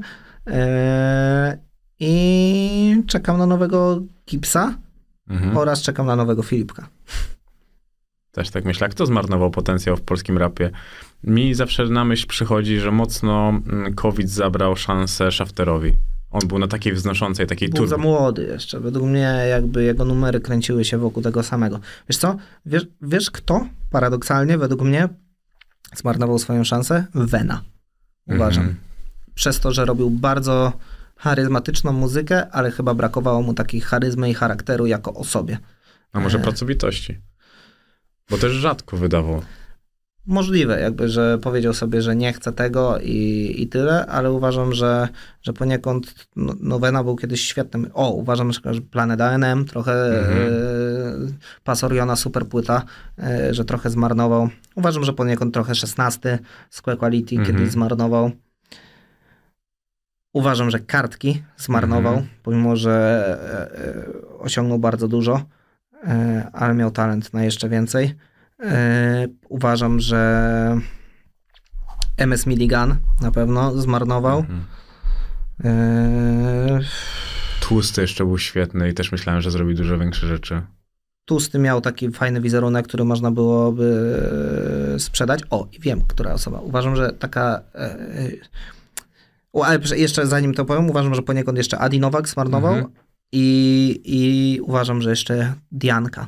Ale nie Dianka Ciecierska, z którą nagrywam, Mhm. tylko Dianka, e, ona miała numer z Adim Nowakiem, ten smak ptasiego Okej, mleczka okej. i cała w skowroneczkach. Adi Nowak potrafił w takie numery. Tak, genialny to był numer. A ty, no, ale jeżeli rozmawialiśmy przed rozmową o dwuznacznościach, to pierwsza epka Adiego Nowaka.